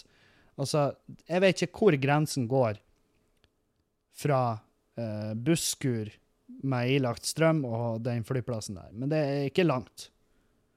Og ja, eh, all respekt til de som jobber der og holder holder det gående. Eh, og jeg tror, jeg tror det er samme fyren. Sant? Når du kommer inn på flyplassen, og du gjør sikkerhetskontrollen, og du setter i avgangshallen, og det til slutt kommer en ansatt og bare Ja, da er vi klar, til, klar for Widerøes flight V875 fra Stokmarknes til eh, Bodø. sant? Det er samme fyren. Og når du da kommer ut på rullebanen og trør om bord i flyet, så er, det, så er det en fyr som trekker en kabel og lader batteriene, og samtidig trekker en slange og fyller på drivstoff. Jeg tror det er samme fyren. Jeg tror det er samme fyren som hadde det i sikkerhetskontrollen og i gaten. Og så tror jeg det er samme fyren på tarmaken, og når han er ferdig med det, så tror jeg han triller opp ei sånn tralle og hiver bagasjen på den og kjører den ut. Og bagasjebåndet på denne lufthavna, det er ikke et automatisk bagasjebånd. Det er såpass lite bagasjebånd at det er drevet av tyngdekrafta. Det er bare lavere i en ende enn den andre. Og så er det rull. Så er rulle, et rullebånd. Et god, gammeldags rullebånd. Så når han har trilla inn den tralla med bagasjen, så dytter han de bare ut på det båndet fra bak en sånn gummigardin. Så all ære til de som drifter. eh, All ære til han ene som drifter den flyplassen. Så når du, når du da kommer i land og får bagasjen din og skal ha deg en leiebil fra Sixt, jeg tror det er samme fyren. Jeg tror, jeg tror han skifta skjorta bort på lageret, og så bare Hei, ja, du skal ha bil, ja? Ja, ja, ja. Null stress. Så all ære. Men det er ikke egna for å være der. Det er ikke egna å slumre der. Det er ikke sånn som de mellomstore lufthavnene, som er Bodø, Evenes, eh, Tromsø, der du kan sitte og du kan kjøpe deg noe mat, og du kan drikke kaffe, og du kan koble det til strøm og se en film, eller hva det. Det er ikke den type lufthavn. Dette er en lufthavn hvor det gjelder å bare hute seg ut. Og jeg tror han ble irritert på meg, for jeg tror han hadde tenkt å stenge bygget eh, når jeg satt der. Og så det, satt jeg i en stol. Det er virkelig en av Jeg tror det er åtte seter. Jeg tror det er åtte seter til sammen der. Og ingen bord. Så jeg drog til en rullestol, og så brukte jeg den som bord. Og så så han på meg, og så sa jeg bare Du, sorry at det Men det er pisse kaldt ute, jeg kan ikke gå ut. Jeg kan ikke stå ute og vente, og det kommer en sjåfør og henter meg om 30-40 minutter. Og han var sånn ja, greit. Så satt jeg der og gjorde litt sånn arbeid. Så blir jeg henta, og så kjører jeg han Ken Rune til Sortland, eh, inn på Scandic, for det åpna et nytt hotell der. Og gud bedre, for et fantastisk hotell! Jeg kom inn dørene, og jeg går rett til Bertha i lobbyen og sier du, hva gjør et hotell som det her på en plass som det her? Og hun flirer og sier jeg aner ikke. Og, og så eh, fikk jeg jo drive i meg, fordi at, ja, fordi at jeg tenkte nå skal jeg få sove godt. Nå skal jeg få meg skikkelig god natts søvn. Jeg skal til og med sove en liten blund for å ta igjen det tapte etter å spille um, hva nå enn slags uh, psykisk terrorspill jeg spilt med han, eh, hundeeieren på Verdal, Verdal hotell natta før. sant? Og så drar jeg og Ken Rune ut på Sortland mat- og vinhus og spiser og tar oss ei flaske vin og bare flotter oss. Er bare fiff. Vi bare har på oss fiffeklærne og fiffer oss som faen. Og bare koser oss i hjel der. Og så går vi innom venuen der jeg skal gjøre show samme dagen.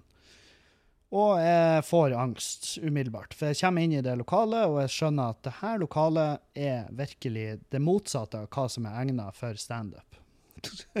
og jeg husker jeg så på han Ken Rune, og så sa jeg du setter altså faen meg opp show hvor enn det er organisasjonsnummer. og han flira, ja, det kan vel sikkert stemme. Så jeg, jeg gjorde det jo veldig klart for han at jeg syns det her er det, det er ikke Og all ære til kompaniet og det, at de holder åpent der. og uh, Det virker relativt populært, Uh, men det er ikke en plass for standup. Og det sa jeg til daglig leder òg. Jeg sa det rett ut at du, det her er ikke egna. Men det er for seint å gjøre noe med. Så jeg gidder ikke å bruke masse negativ tid og energi på det. Og jeg hadde en plan klar. Så når jeg går på scenen da, så ser jeg at halvparten av publikum er stående, som er kjempe imot det jeg står for. Altså, når jeg er standup, og folk kommer ut og skal høre på meg prate i en time, halvannen, så fortjener de å sitte på ræv. I hvert fall når de betaler penger for billetten. Så jeg åpner meg og sier det her blir ikke verdt det. For dere som står oppreist, det her er ikke verdt pengene.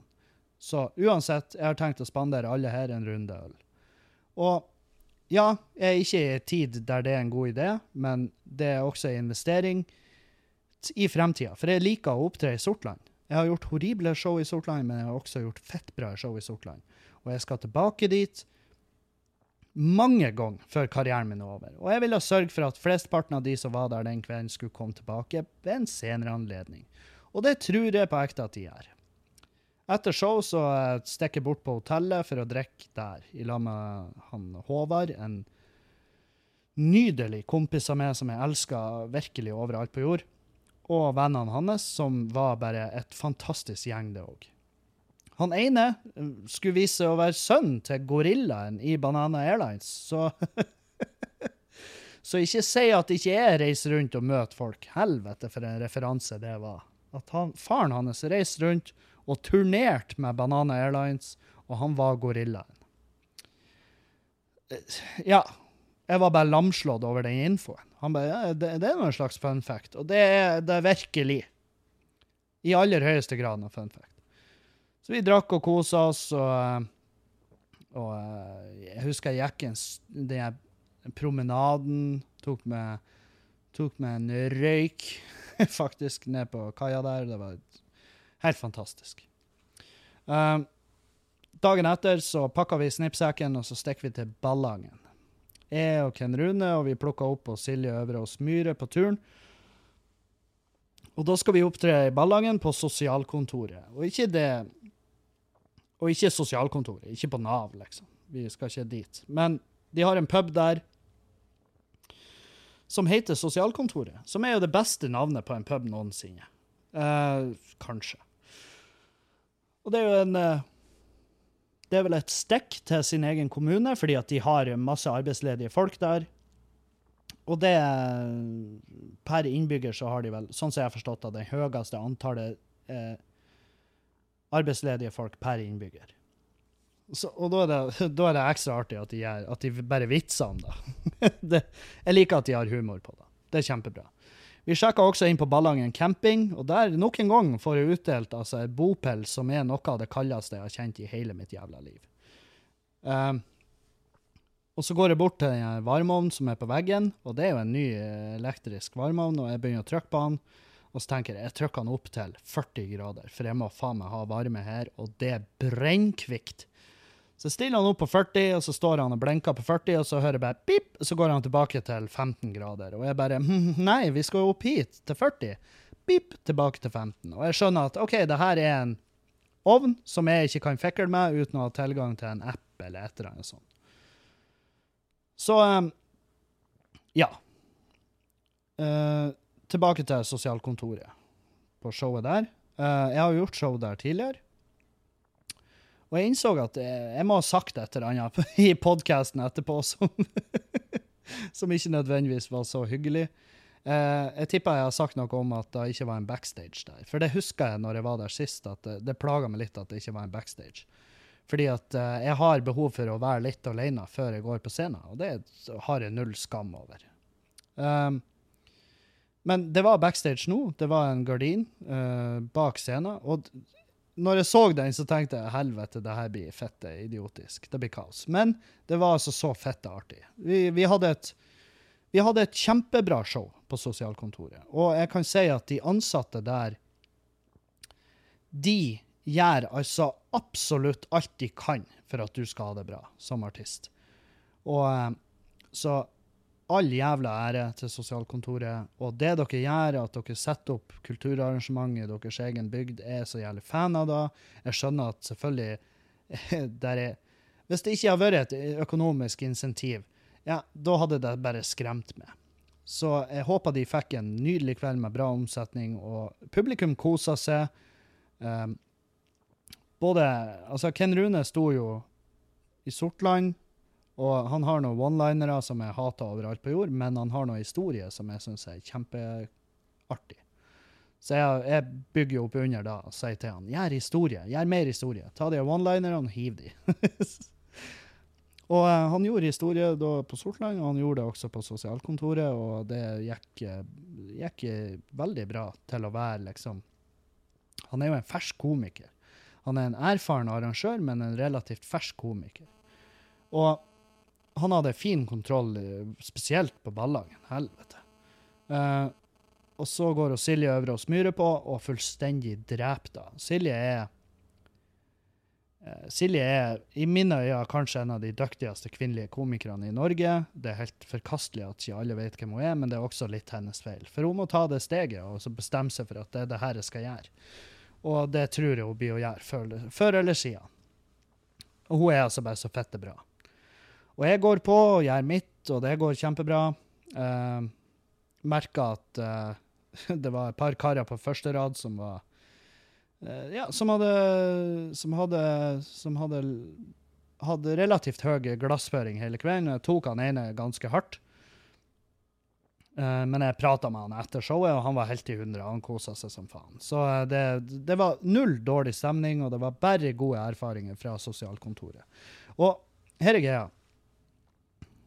Jeg har gjort fire usikre giger i forrige uke. sant? Jeg gjorde den open micen i Tromsø, gikk ikke bra. Jeg hadde Altså, jeg har bestandig angst for en firmagig, for du vet virkelig ikke hva du går til, men det gikk uh, jævlig bra. Så Tromsø gikk drit, men Verdal, Sortland og Ballangen gikk kjempebra. Sjøl om ikke nødvendigvis det jeg, Det var jo ikke tilrettelagt for at det skulle gå bra i Sortland, men publikummet var altså så fette med. Og de var der for å flire og kose, og det gikk kjempebra. Så tusen hjertelig takk til alle som har kommet ut, og tusen takk til alle arrangører og venues. Dere er, uh, dere er helt herlige. Um, og etter showet da på sosialkontoret så er det tilbake på campingen. og Der satt vi oss og spiste en pizza, og så gikk vi hver for oss og la oss. Uh, som, uh, som, var bare helt Helt nydelig. Jeg pakka meg jo godt inn. Jeg sov med T-skjorte og sokker. Følte meg som en, som en jævla usexy fyr, men uh, det var nå de tiltakene jeg måtte gjøre for å overleve natta i den kulda. Uh, så hadde jeg baddøra stående åpen, og så hadde den radiat... Altså der er en sånn stråleovn oppå veggen på det badet. Sant? Dere må forstå at det her er gamle, sånn skikkelig gamle trehytter. Laftahytter. Uh, med masse panel. Og det er kjempetrivelig. Det, jeg syns det er kos. Det er noe sjarm med det. Og eh, så har man jo hver sin hytte, så man kan jo faen meg gjøre hva man vil. Jeg gjorde ikke så mye gærenskap, jeg bare la meg og sov. Og det trengte jeg. Jeg sov lenge, og dagen etter så var det bare å hute seg opp og rydde ut av hytta og komme seg av gårde. Og da, eh, ikke sant, temaet mat var jo oppe, og så var det sånn Nei, sa jeg, jeg bare kan vi bare gi faen? Kan, vi, kan, dere bare kjøre meg på Evenes, sånn at jeg kan fære herifra og komme hjem til fruen min? Så kan jeg spise på Evenes. Jeg kommer bort på Evenes, og der er det inn i helvete mye folk. Og det er nå greit. Men jeg sleit med å finne meg en plass å sette meg. Um, så var jeg og handla med ei pølse. Ja da, så jævla ekkel det er. Men det var fordi at de solgte virkelig veldig lite annet der. Og det begynte å bli tomt for mat, for det var på ekte mye folk som var ute og reiste. Så jeg kjøpte meg ei pølse, stor sånn chorizo, og så setter jeg meg ned. Jeg finner et bord. Og jeg setter meg ned, og jeg sitter bare og nyter den pølsa. Og jeg nyter den faktisk, for jeg spiser pølser såpass sjeldent at når jeg først spiser det, så er det jævlig godt. Um, og jeg setter meg ned der og nyter det her, og så kommer det bare sånn enormt gjeng med engelskmenn og setter seg i, rundt meg. Så jeg sitter bare på det bordet i midten, og de sitter overalt rundt meg. Og da får jeg litt angst, så jeg tar på meg headsetet og så spiller jeg musikk fra mobilen og bare koser meg med det og pølsa mi.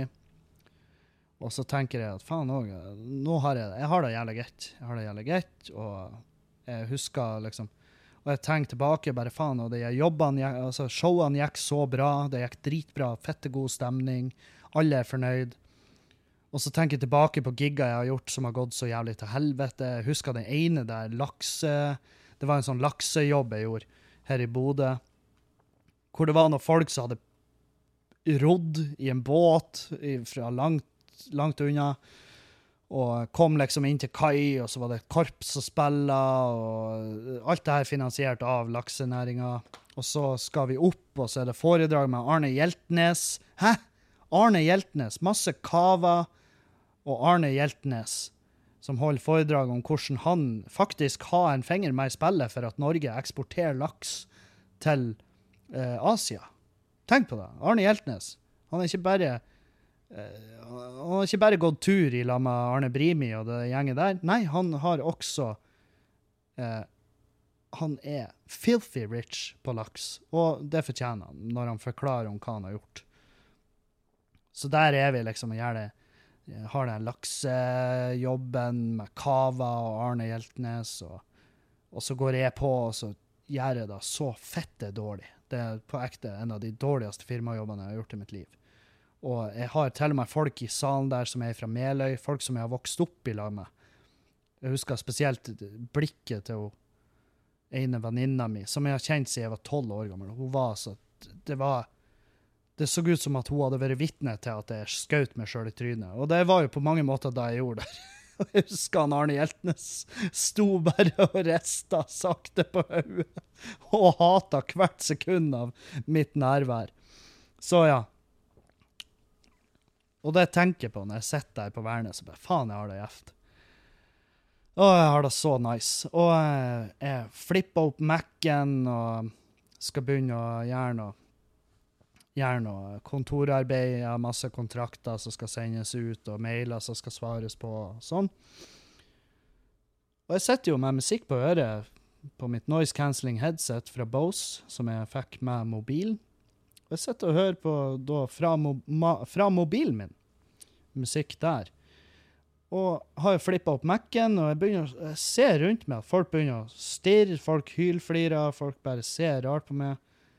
Så ser jeg ned på Mac-en, og da har jo Mac-en Han har jo fortsatt der han slapp. Og der Mac-en slapp, var jo selvfølgelig på noe ganske hard Altså noe ganske heftig, ganske intens orgiporno. Så jeg fucking er smekka att det lokket der, og jeg bare begynner å flire. Jeg ser ikke opp, for jeg vet at alle stirrer på meg. For den der hadde jo Jeg hadde jo bodd på ei hytte aleine. Sant? Så da kan du se porno med så mye volum som du vil. Og jeg kan bare erindre at jeg hadde sett porno med massevis av volum. Da var volum mast i rommet der. Hvor jeg følte at jeg var en deltaker på denne Eh, tsjekkiske orgien.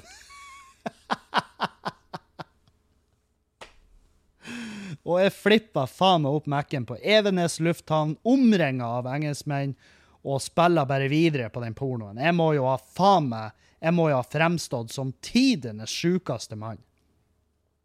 Og heldigvis så friskmeldte jeg meg sjøl med at jeg fikk panikk når jeg så skjermen, og smekka ned lokket og bare begynte å flire. Og, for, og jeg hørte han ene engelskmannen der, han bare Fucking legend. ja, så fy faen for en fyr jeg er. Noen drikker cava og snakker om laks og fjellturer med han Arne Hjeltnes, mens, jeg, mens noen sitter og ser tsjekkisk orgiporno med Kevin på Evenes lufthavn. Fy faen, jeg burde ikke være ute blant folk. Helvete for en fyr jeg er. Åh, satan. Ja, så Hva skal vi plugge på slutten av dagens sending? Vi skal plugge det faktum at i morgen så kommer jeg oppover til Narvik og gjør Skamløs på Narvik eh, kulturhus. Og på lørdag så skal jeg til Harstad og gjøre Skamløs på Harstad kulturhus. Vær så snill å komme. Og hvis du har billetter allerede, få med deg folk. Jeg vil ha Jeg vil bare ha så mange som mulig. Og det er ikke bare det økonomiske, det er bare fordi at showene blir bedre jo mer folk det er. Sånn er det. Latteren sitter løsere, den føles mer intens og treffende i et rom der det er mye folk. Men uansett de som kommer, vi skal ha det fett. Vi skal ha det fett. Så jeg gleder meg til å komme oppover og se dere alle sammen. Uh, Ja. Det er vel uh, stort sett det. Hva annet skal vi plugge noe for neste uke? Nei, vi kan plugge neste uke i neste uke. Så tusen hjertelig takk til alle som lytter. Og til syvende og sist, hvis du driver et firma og har lyst på logoen din på armen min for den nette sum av ja, Vi begynner på 300 000, og så kan vi bli enige. Si ifra. Dette er ikke kødd. Hvis du vil ha logoen din på armen min, jeg gjør det. Jeg gjør det umiddelbart. Eller hvis du har ei dritbra løsning til hvordan jeg kan få tak i penger på kort tid. Uh, uten å nødvendigvis bryte så jævlig mange lover, i hvert fall. På den noten skal vi avslutte, og jeg takker for meg. Adjø!